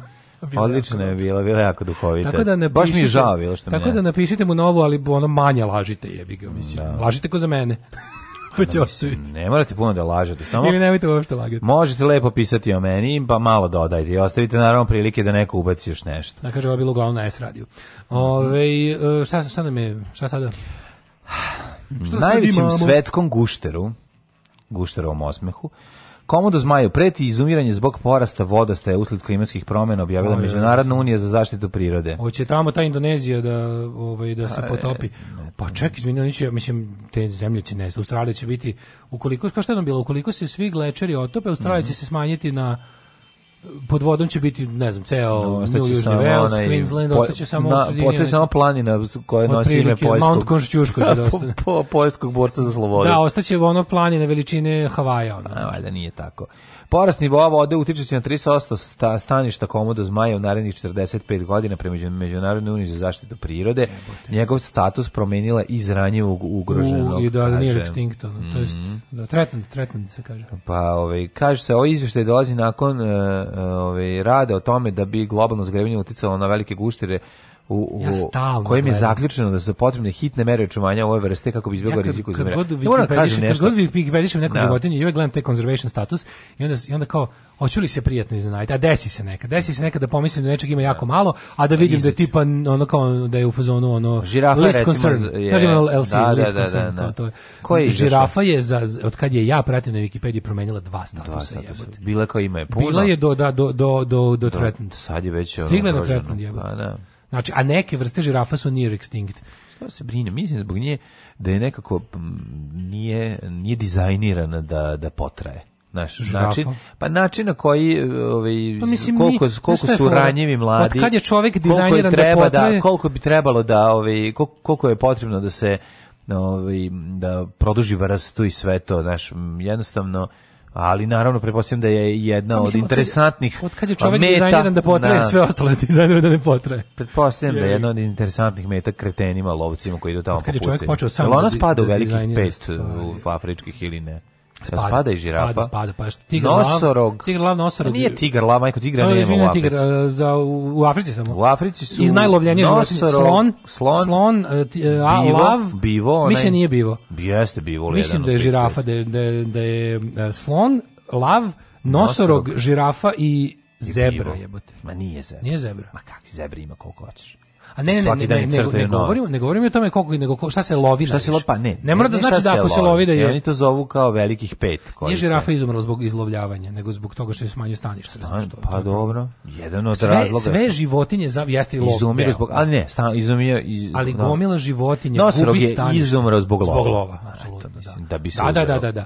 Dok to, to možeš da ga da on pinpointuješ na jedan uzrok, to da. izlovljavanje nenormalno, mhm. koje nije pratilo obnavljaju. A i broj, slono, broj slonova se smanjuje zbog izlovljavanja. Da, ali da, oni Jer je tržište bjelokosti. Ovaj, ali nemaju prirodne neprijatelje, ali ime koje bi mogli recimo da narušiš balans između njega i prirodnog neprijatelja i onda u korist prirodnog neprijatelja kao što se dešava u nekim... Šta je sa prirodnim prijateljima? A prirodni prijatelji ne postoje isto postoje. Pa dobri ljudi. Znaš ko ne, kitovi dobri su recimo ljudi. prirodni prijatelji. Znaš da kitovi štite Kome? druge vrste, recimo, a, recimo a, kit, a, grbavi kit, štiti nešto, ali... Ne, dokazano Ovi, a, kako se zove, izbaci grbu drugu da, iz, da, da svima izgleda to normalno. Da, da kaže, jako da puno grbaike i to se Grbaike su jako inkluzivne životinje. Nije, ne se gali upadne u da. vodu, oni ga okruže. Štice druge sisare, recimo, od uh, kitova ubica. To, se, to, je, to je zabeleženo u 10 slučajeva. To je tako slatko. Znači da će oni svojim telom... oni će telom zaštititi od Oni će svojim telom oni će svojim telom zaštititi ovaj kako se zove ako ako se pojavi neka druga životinja ne. i da. time umanjiti šansu kitu ubici da ovaj da ga ubije o, i po, poždere. Sladetko. Tako da eto to je recimo ta ta ta ta solidarnost među životinjama. Pa što kaže je... ako nismo dobri ljudi budimo bolji nosorozi, što kaže grupa Vizelj. Tako je. Jeste i pevaju grba grba hej kad se kad okruže grba grba hej. Grba grba hej. Da tako da neki znaš šta for, inače problem sa Inače a imam problem ja ne volim komodo zmajeve. Mislim nije da želim da im da komodo zmajevi su bili uzor za za Romeru za zombije. Znaš što je rekao u intervju. Kaže on meni kad kad se čitao komodo zmajeve da u fazonu bilo koja povreda koju ti oni nanesu je da gotovo uvek fatalno. Tako je. Što da. grebe, ako te da. bilo šta što ne, ako te ujede, ne, ako te grebe isto. Znači bilo bilo koja ono kako se to kaže laceration da. od strane komodo zmaja, bilo koja ono mm. puštanje krvi. Da, da. Od strane komodo zmaja za čoveka skoro 100% fatalno. I onda oni izmislio kao da njegovi zombi... Nije za čoveka, nego za životinju je 100% za čoveka. Pa dobro, čovjek će dobiti antibiotike pa će preživjeti. E, pa kažu da baš i neće. A ži, da životinja da, da neće. Da otrov jako jak. I da nije, nije otrov, on, on je prepun ovog, nije on otrov, on je prepun bakterija sve da, da, životinje koje on lovi, on da. životinje lovi ujedom, on ujede i onda pobegne i onda je prati, kako ona crkne. Ali ne crkne zato što je on otrova, nego crkne zato što se ono, razboleo ju. Razboli se, ono umre. Jel ovaj ima toliko bakterija u toj svojoj pljuvačci odvratnoj, i, to, i da, po to. kanđama i po... No. Ma, vjerovatno imam za svuda, ne. Ali da, i onda Romero, da, Romero rekao da je čitao o tome teh, i da je smislio da njegov, bi ga tenkom, da će, Da će njegovi zombi u odnosu na zombije iz Hollywooda 30-ih da budu lju, e, nešto jedu. I da u kao, oni, oni te love da bi te jeli zombi, mm. ali ukoliko te samo ujedu pobegneš, opet ćeš najebati. Da, kao. Znači, nema... Možda ćeš komodo zmaj. Znaš kada da komodo zmaj, postaješ komodo zmaj. Da, da, da, postaneš njegov A jebo te, ali on to meni je primjer baš onako, znaš kad kažeš ugroženje komodo zmaj, kao tasmanijski znači, djavo. Znači, jedu dru mlade komodo zmajeve isto. Oni beže, svi, svi mladi gomio beže na drvo, verovali ne, to je jako čudno izgleda. Od, od svojih roditelja. Od svojih starijih, ja će ti ih pojedu. Majko Mila. Da, da, da. Kakvi su da, čili, zato što ostalo ih je samo još komodo 64 iz Maja na ostrovu i više ih nema. Ne Ali zato ono postoji i... Jedno drugo ostrovo ima komodo 128.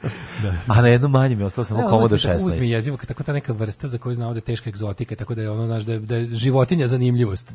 I da. onda kad čuješ da... Ne, obično ta život... bi, ako, ako bi neku životinju pogodio bazukom, pogodio bi komodo zmaja. Pa Odvratno A ne, sam. moj ga, dobar neću, je čovek. Neću, kako on ne shvataš? On to ne radi zato što voli. Nije dobar čovek, on je grozan zmaj. Nije. Zašto niko lepo, dobri mali gekon koga možeš poneti i staviti na ranu. On to radi zato što ga je Zašto priroda nije dobra, takvoga. dobra, draga plava iguana koja nikog ne dira? Ja volim sve životinje. I reći ti ono što meni moja mama rekla i da me nauvek, zauvek natjera da. da. volim sve životinje. I on ima, on ima svoju mamu koja, koja ga mnogo ko, Ko će da ga pojede? Ko će ga pojede? A ja bih stvarno nema sreće.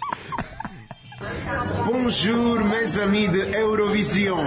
Je m'appelle Knez et je viens de Montenegro. Alarm sa mlađom i Daškom.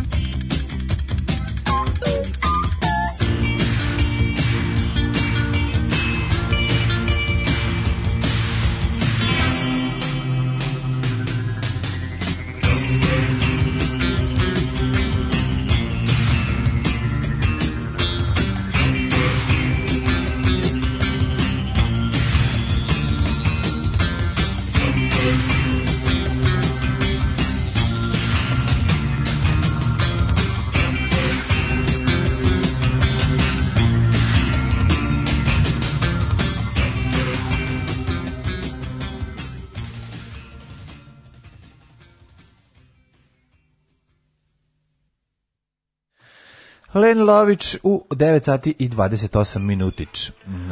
Pričaju ko izumiranju komadu zmaja, a izumiranju kombajna zmaja ništa. Sve ih manje ima u prirodi od kad im je ubijena mama u Beogradu. Pa nema komada, kombija zmaja, da. Ima drugi za 300.000 evra, pa ti vidi, pa, ti vidi, pa kupi. Kaže, prekače svadba prolazi kroz Pazovu na povrci ogromna trobojka na kojoj je Ratko Mladić. Pe pa jebe.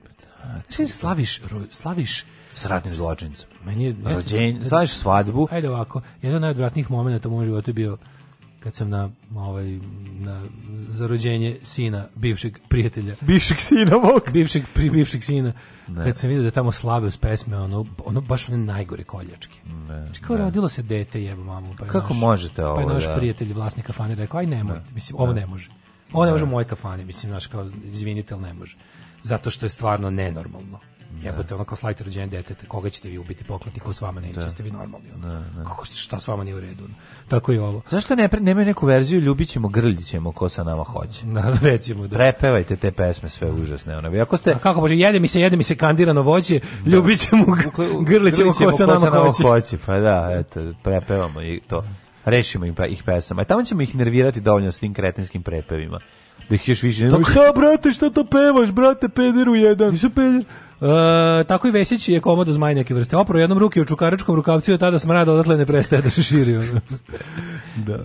Ove, ovaj, um, gledao sam snimak iz divljine da se čovjek pravi da se davi, a malo slođe trče da ga spasi. Da, bre, nešto ti znaš ti koliko je to divno. To je prosto neverovatno. Mm. A kažem ti, grbovi kitovi su najbolji. Grbavi da, nije baš, čovjek da je verovatno se davio u reci. Pa dobro, slon čovjek da, da pomogne. da stigne iz, iz okeana u, a pustio je grbu. u Topčidarsku reku da spasi. Pustio je grbu, grba je našla pa, da pa ga je pavio. Uhvati se za moju grbu. Catch my grb. Da, ovaj kaže, ja hvala, ajde drži se još malo za moju grbu. U, lepo mi je. Aj sad se pip, sad je pusti, sad je opet uhvati. Ma kako ti to e, grba? E, čekaj, moram, moram, moram jednu malu temu, Ko je malo i treći sat, mislim zapravo. Ajde, ajde. Ko su najpoznatiji srpski politički penzioneri? O, da, dakle, to. Penzione, političari koji su u penziji, primaju penziju, a još imaju, da. zarađuju od politike. Ma nije, nego rade iz penzije. Pa rade iz penzije, rade da, što nije u redu, je, je mater. Da, pa mislim. dobro. Tu je stara legenda. Vidi ovaj čuveni Momo Čolaković e, koji je bio neka, sve njega znamo kao rekordera po broju dodatnih primanja na platu. Mogu sećaš dobro da, da sećam sa ASFM-a. Da, da, da, da. neke jedno od davnih tema je bilo upoznajte Momu Čolaković, ja sam rekao kao sušta suprotnost rodoljuba, koji je ovaj rekorder po novim dodatnim prihodima u raznim ono upravnim pa član odbora za ovo, mm. naknada za odvojeni, za sastavljeni, za polu odvojeni život, za da. čovjek koji isto vrijeme uzme i putne Kako troškove. Čolaković. Momo, Momo Čolaković. Da da, da, da, da. da, da. Ovaj, e, ali vidi, on je sad pao. Ovaj. Znaš ko je najveći, najbogatiji politički penzioner? Um, čekaj, čekaj. Po mesečnim primanjima. Po mesečnim? Da, pa neki SPS. Znao sam. Naravno. Znao kraljevi sam. zarade. Pa kraljevi, pa da. Neko da, da. Pa SNS nije likvidirao SPS i utopio ga skroz u sebe, jer im treba e, kao neka vrsta škole marifetluka. Jer mhm. ipak, znaš, kao SNS su bahate sileđe koje pritom ih rad, kradu, a SPS su majstori krađe. SPS je čisto zlo. Majstori krađe. Znači, to kako SPS ume da ukrade, to je Oni sigurno imaju školu toga, partijsku školu krađe, kad dođe mlad čovjek primete potencijal, oni ga nauče kako da dobro krade dugo. Oni su u fazonu najbolje krasti dugo po mnogo. to je njihov ono, recept. Da, da, da, da. Ne ima da kane, nego ima da sipa. Marković, pazi, ima pazi, da curi. Marković mesečno inkasira 202.000 dinara. Pa da, ali to ćeš... Tako što, šta radi? Da. E, danas na, po osnovu funkcije poslanika u Skupštini prima e, paušalo 27 plus dodatnih 77, a ima i penziju koja je 88.000. Pa dobro, znači... Pa bogotac. Da, i, pa ja sam mislio, pa dobro, nije mi to baš tako, ok, penzioneri, upravo si. A ovo su samo penzioneri, da, da, da. Sreće Milorad Veljović, bivši direktor policije, mm -hmm. koji ima 180.000, No, sluša, tako samo što je, stvar, tako što ima penziju plus je savjetnik u generalnom sekretarijatu predsjednika Republike. Dobro, Bravo, Odlično. Malo da pojača da, penziju. Da, da, da. Onda ovako. Dobro, treba da raditi malo na kući. Tu je čitav da Momo Čolaković koji je spao na simboličnih 97.000 dinara. To je baš malo. Tu je, vidi ga čovječ. Čika Momo, razumemo se, isti smo platni razred. E, da, možemo da se nađemo gde da popričamo malo, može li se preživeti s toliko. E, tu je i Miću negde s nama u ekipi sa momom i da, sa momom, tobom i mnome. Dragoljub Mićunović 95.000 dinara. A, 95 godina. Koliko koliko Miću Miću nije? Miću nema 90, ja mislim sigurno jebote. Kaže ono Miću, pa mi Miću drži pare u maramici, znaš. Već ono Miću broje pare, znaš. Nije mi to više kao to. Sad pa kad kad dođeš u trenutak da više nije ti ni važno koliko imaš, niti možeš da izbrojiš. Jebote Mićunović, slušaj, Mićinović je u penziji od 94. O, svaka On da. je 27 godina u penziji. Zbog njega, zbog njega, zbog takvih budžet pati. Jebote. Čoveče, kako da ovako neko 40 godina u penziji, znači, simbolički, znaš ono kao biće posle sledeći korak kad budu ljudima objašnjavali kao zašto PIO fond mora da ode. Biće ono odvešće Mićunović da ga lapotuju u šumi. Reći će Mesi pogaču i daj da, vamo da, da, vodi ga. Da, daj, ono stvarno. Vodi ga u šumu, više. ako još ako vi nastavite da ovoliko živite u penziji, Ja. 27 godina u penziji. Najbolji su ljudi koji recimo Kako koji su imali neki beneficij, radi staž pa su još koji imali neku povredu lažno pa četir, sa 40 godina otišli u pa, penziju. ovaj kako ti kažem, Znaš, eh, ti znaš posebno čoveka da. od našeg dakle dobro mhm. druga mm. njegove bivše supruge, mhm, mhm, ovaj kako se zove, Djeda. deda, bogotac, penzionirani su u 34. godini. Eto, 34. Je, Ali, da ne bi uživao u penziji, on je, pošto penzionisan iz Ozne, da, da, da. Uh, on je nastavio sam sebi da izdaje lažne zadatke i da se bavi kontraobaveštenom delatnošću u komšiluku, pošto zbog toga su li penzionisani. Pa zato i imaš ovaj penziju. I onda su mu oduzeli jedan pištolj, pa posle 10 godina drugi pištolj, na, da. kad je spao na to da... Na kada smo uzeli HBO lovku i sve papire iz da ne možeš više da e, da, da tuži. Pa, paži, smrt je dočekao, u, ne znam, dosta star, tipa sa ono 66 godina penzije, bio 60 godina u penziji, e, smrt je dočekao ne, ne, ne razoružan, tako što je pored ulaza u stan i da imao stolicu mm -hmm. na kojoj su stajali zašiljeni šrafćiger i čaša sa sonom kiselinom. Za slučaj da Draškovićevci pokušaju da ga napadnu Aha, u stanu. Da možda mu sune to u facu. Da. Da, da, znaš, zajebeš se pa nagneš to. Ove, ili pročačkaš uši. To je čovjek za koga, za koga znam da je najduže bio u penziji u životu. I znam i ja, ovaj dede pokojni jednog mog prijatelja isto, boga mi oštetio budžet za jedno 40 godina, pa da. otprilike bio u penziji. Kažem, je 34. Da, da, da, da, da to je da dosta. Da ću penziju 68. Ono.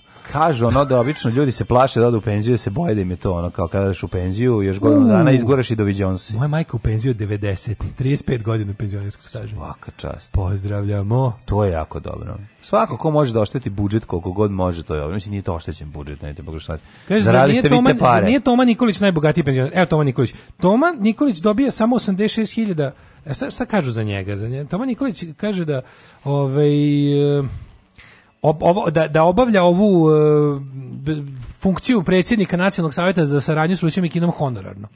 Uh, ne honor, nego kako se kaže, pro bono. Pro bono, ali čekaj, pro čekaj, da. čekaj, čekaj, pro bono vox, ali me druga stvar zanima. I da prima samo navodno penziju od 86.000 dinara. Ma dobro, da. stani bre, ono, šta, ta čovjek kraj Šešelj je penzioner, Oni žive bre, no, oni, oni ne plaćaju, čekaj, oni žive u kući u kojoj ne plaćaju ovaj nik, nikakve troškove. Da, da, pa da. mislim, njima ne režira režije Spielberg. Pa mislim ako nemaš, ako nemaš režiju u kući, ono možeš imati penziju. Samo scenarijo. 50.000. Samo scenarijo. A Voj, Vojislav Šešelj penzioner 2010. Da. I njegova penzija 58.000. Na, on je. A dobro je toga, ali ja bih ga dao, on sad nije ni poslanik. Mm, Šta on nije više poslanik. Znaš da, znaš, znaš da je on, nekad i Krik objavio da on ima on ima na računu u fucking američkoj banci koliko beše 2 miliona dolara pička Ma da, pa ne mora da bez... Pa zato može da napraviš napravi knjigu kuću u Hrtkovcima, razumeš kako hoće da napiše šta. Let, let this sink in. Da. Čovek koji se u životu bavi proizvodnjom mržnje. Da, da. Čovek koji se služi da zastrašuje, teroriše i plaši ljude nema dana poštenog radnog staža mimo ove tri stvari koje sam vam rekao, je time zaradio 2 miliona dolara. Da. Ti i ja mlađe nismo zaradili 2 miliona dinara. Pa da. Jebo nam. Pa smalter.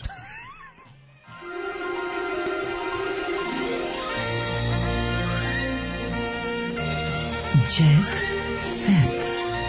Jet set. Jet set. Set. Set. Set. Set. Molim naslov, Ubina nas nema nam spasa. Pa jebote Maršo. Dobro, Ambrozija jeste. pravo. Blic, inače ne znam da nisam rekao, Blic je prebacio kurir danas po javnosti. Ne, ne, ne, pa sa naslom stranom. Blic je po svemu, po tekstovima mm. koji su ono bukvalno pisani na pravnoj gori, ali pogledaj u sliku Mila Đukanovića koji briše nos na naslovnoj strani. Znate, da izgleda, ima facu znači, kao, ovo je šturno. kao grav Drakor. Znači, pozdravite Drakova, da. glavnog odgovornog urednika Juliusa Štrajhera i recite mu da je jadan ko govno. Znači, ovo, znaš kao, ovo ne radiš. Mislim, ja kao tipa da, ja da pravim neki antifašistički pamflet pa da ne nađem, ono, ne, ja ne bih stavio ovakvu sliku nekog ono, srpskog fašiste kog treba da isprozivam. Znači, bilo bi mi previše nisko. E, pa bilo bi mi previše moj, nisko. Zato si u situaciji zato što, si. Zato što ovo nije politička borba. Što on kao tipa, on, ovo, je, ovo je HD snima koji su zaustavili na momentu kada on briše nos. Da, bi ga da on ispadne, da. Z, da-, da. on ispadne kao zla gluperda. E, on treba da ima facu, naslov, ono, naslov, zle veštice iz Miro, Doroti, i Čarobnjak iz Oza i to Milo širi mržnju protiv Srba i Srbije. Da, što a time što Kija, iskijava mu mržnju, to, to je ideja. On mu je nos mržnju. Da, da, da. A... Opet pokušavaju da od naše zemlje naprave zlotvora. A jel nije jebote, jel nije, jel nam zemlja peti dobra? Put, peti put pokušavaju prijatelji. Evo peti, ja kao stanovnik ove zemlje od svog rođenja potpisujem ova zemlja je zlotvor. Ja. Ne mora, ne treba niko sa strane. Ja to radim potpuno besplatno. Ova država je zlo. Pa ova država je ovaj najveći neprijatelj svom narodu, tako da ona kako to drugčije kaže. Kako se kako se to je majka komoda zmaja. Najveći neprijatelj svom narodu. Majka, pre... naj... jedini kako ti kažem, jedini garant za opstanak srpskog naroda je nestanak srpske države, koja će ga ono uskoro u, u, ukinuti. Uh, što se tiče uh, e, djeceta, okrenimo malo od stranog djeceta. Na početku emisije smo se samo na kratko ove, ovaj, oprostili od uh, Jean-Paul Vandama Belmonda, velikog zavodnika i mangupa, čoveka koga smo zaista jako voleli i išli da gledamo filmove. E, igra Belmondo, idemo da gledamo. Ja, da, Belmondo kao ovaj, žanr. Veliko, pa jeste bio, bio čovek žanr. A ove, ovaj, iz druge strane, u filmski festival u Veneciji obeležio je ove, ovaj, govor eh, Roberta Beninija, ne znam da li si vidio, ono, onako, sladak je bio, baš se na, na, na, na zahvaljivo se supruzi na najlepši mogući način.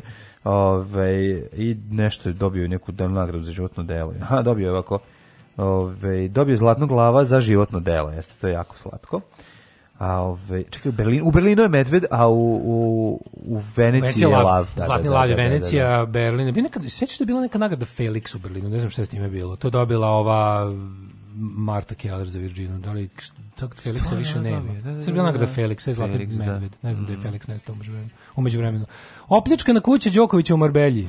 I live in Marbella, the sun, the sand, I got the lot. I live in mm-hmm. Marbella.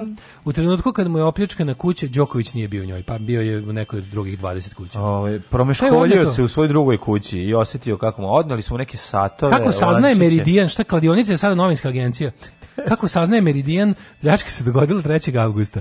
Odneti su skupoceni predmeti u momentu kada je došlo do provele, pa naravno ne bio jebate čovjek igra turnir, no, ono kako Kako ne da ukradeš vrata na njihovoj kući da si dobro zaradio? Na to sve skupo. Pa ko, mislim da ako da ukradeš bilo šta za šta može dokaže da, da je Đokovićevo pa prodaš. Mm -hmm. U mhm. momentima kad je došlo do pravale u Veličkom su ukupno 22 kuće, to je bilo u ovaj neko je bio u fazonu pa bogatuni odlaze da. polako kući.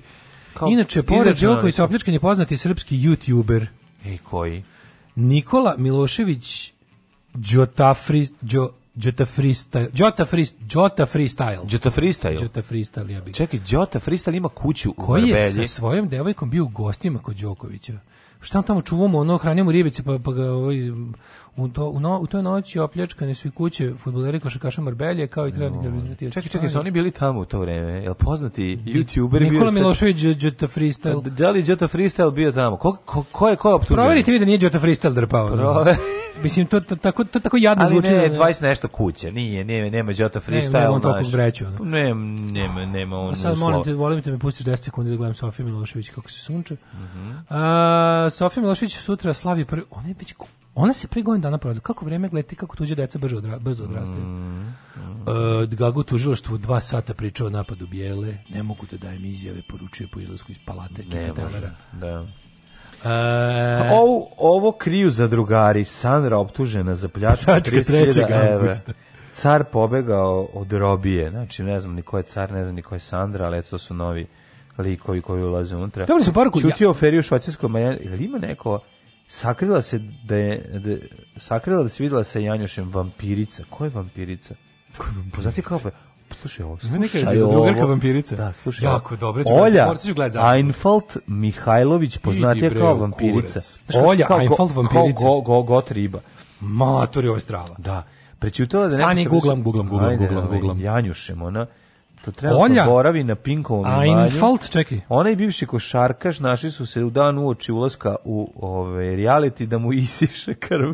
Da mu dobro isiše. Da mu dobro isiše krv kada se Marko oprostio od bivše supruge Ene i ćerke, kojima i bivše ćerke kojima se javno no, obećao. Pa malo je, malo je ono. Pa dobro, malo je Vera Čuk, Čukić. Da, malo je kisa. Vera Čukić je stala, nema bi tako, što A nije, brate. Pa vampirica. Ima se veće očekivanje. Uj, ja bih ga gori, pa znaš ti kad si mrtav tako dugo, malo se i osjećaš. Malo kisa. Pa ne, pa možeš sve. Nekako. Ti bi da zapere. Više je zombi nego vampir ti If da- you know what I mean. Ti bi da zabereš. Više my girlfriend wants to be a zombie. A dobro, nije vampirica, ima na ovoj, na ovoj slici. A nije vampirica. Vira je zubi, a, oštri zubi. kao ovi YouTube. YouTube, dakle vampirica je. Jako ona kaže da vampirica. Kako se zove you poznat YouTuber? Ne znam. ja sam zapamtio. A čekaj, sad, sad ću setiti se. Uh, ja sam odustajem, zapamtio. Odustajem, Jota Freestyle. Jota Freestyle, da, ne mogu. Oprostila dečku i drugu prevaru, Chloe da. Kardashian. Dobro je. Dečku i svaki dan vara. Ali Chloe ne može, zaljubila se, pa to ti je. Malo je vampirici iz Turšije. E, pa ne mogu da prestane da komentarišem. Počeo nas, nije očekivao sam Bre Elviru, Mistress of the Dark, jebote, a, dobio sam, a dobio sam čuvarku, ono jabuka u kombinatu i volola ribar. Pa ono što ja sad fali, mislim. Pa fali. Pa po, popi malo jabukovače pa se prolepše. više, više jabukov sirće. Počeo nastavak... O, pokvarenog čoveka. Aj, prvo Poč... pljuš prema mojoj vampirici. E, no ti je, tvoje. Ne, šta. Možda, uopšte nije Drakulina nevesta, više Drakulina žena iz prvog braka. zbog koje ostavio zbog koje, je, zbog ove tri neveste. A, što je zbog tri neveste. Da, da. Počeo nastavak. Mariška, mala je Mariška, prva Drakolina žena. Počeo nastavak. Nije Lusa, Mina. Nije, nije Lusi. Kakva Mina i Lusi, da. bre čoveče. Ovo je više, više da popravna kočija. Da, da. Više kočijašica. B, više Frau Blühe.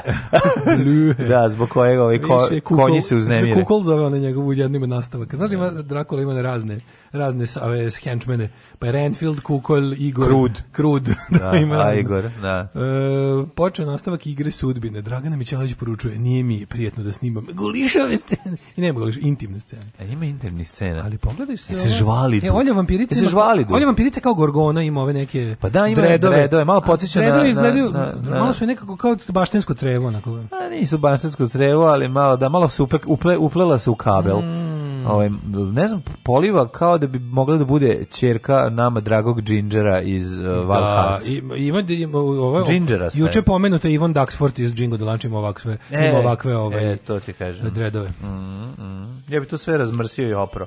Ako mene pitaš. Naravno, kao i svaki dread koji gdje Svaki dread, znači. Svaki dread znači, koji sam ikad video sam poželeo da evrocentrično belački rasplete i operem. Ne, zbog toga, nego kad vidim dread, ono, podsjeti me na, podsjeti me na ne, znaš kad vidiš kuće koje se uće Pa to je to, mislim. E, to, znaš, ono. Znaš kako bi ja ove ovaj da, anarchopankere da. sve ono odveo lepo i da. tako bi Milko, čuvena, tako bi im provetrio čuvena, te, čuvena te, te jakne kožne. Tako bi im provetrio te Ali kožne. Ali imam jako puno prijatelja, znaš koliko. Da, da, da, I onda je fore što se mi uvek saozio, znaš kao oni... Svi znaju da bi im da, ono, ne ostavljaju ti dredove. Mi, mi smo za njih, e, kao ga lažni pankir koji mi rišu. Tako je, e, da, Vi, znaš, kad, uvek bude, ali uvek bude paket, ono kao tipa ti i ona i pa nađe još neko ko, se kupa. što se I bude kao diskreditacija, a onda mi njima, ono, znaš, kao, vi ćete u prvi red, kad, vi, vi, treba da budete u svim demonstracijama u prvim redu goriva, da, da policija beži od nas. Mm. I, tako, I tako se mi družimo.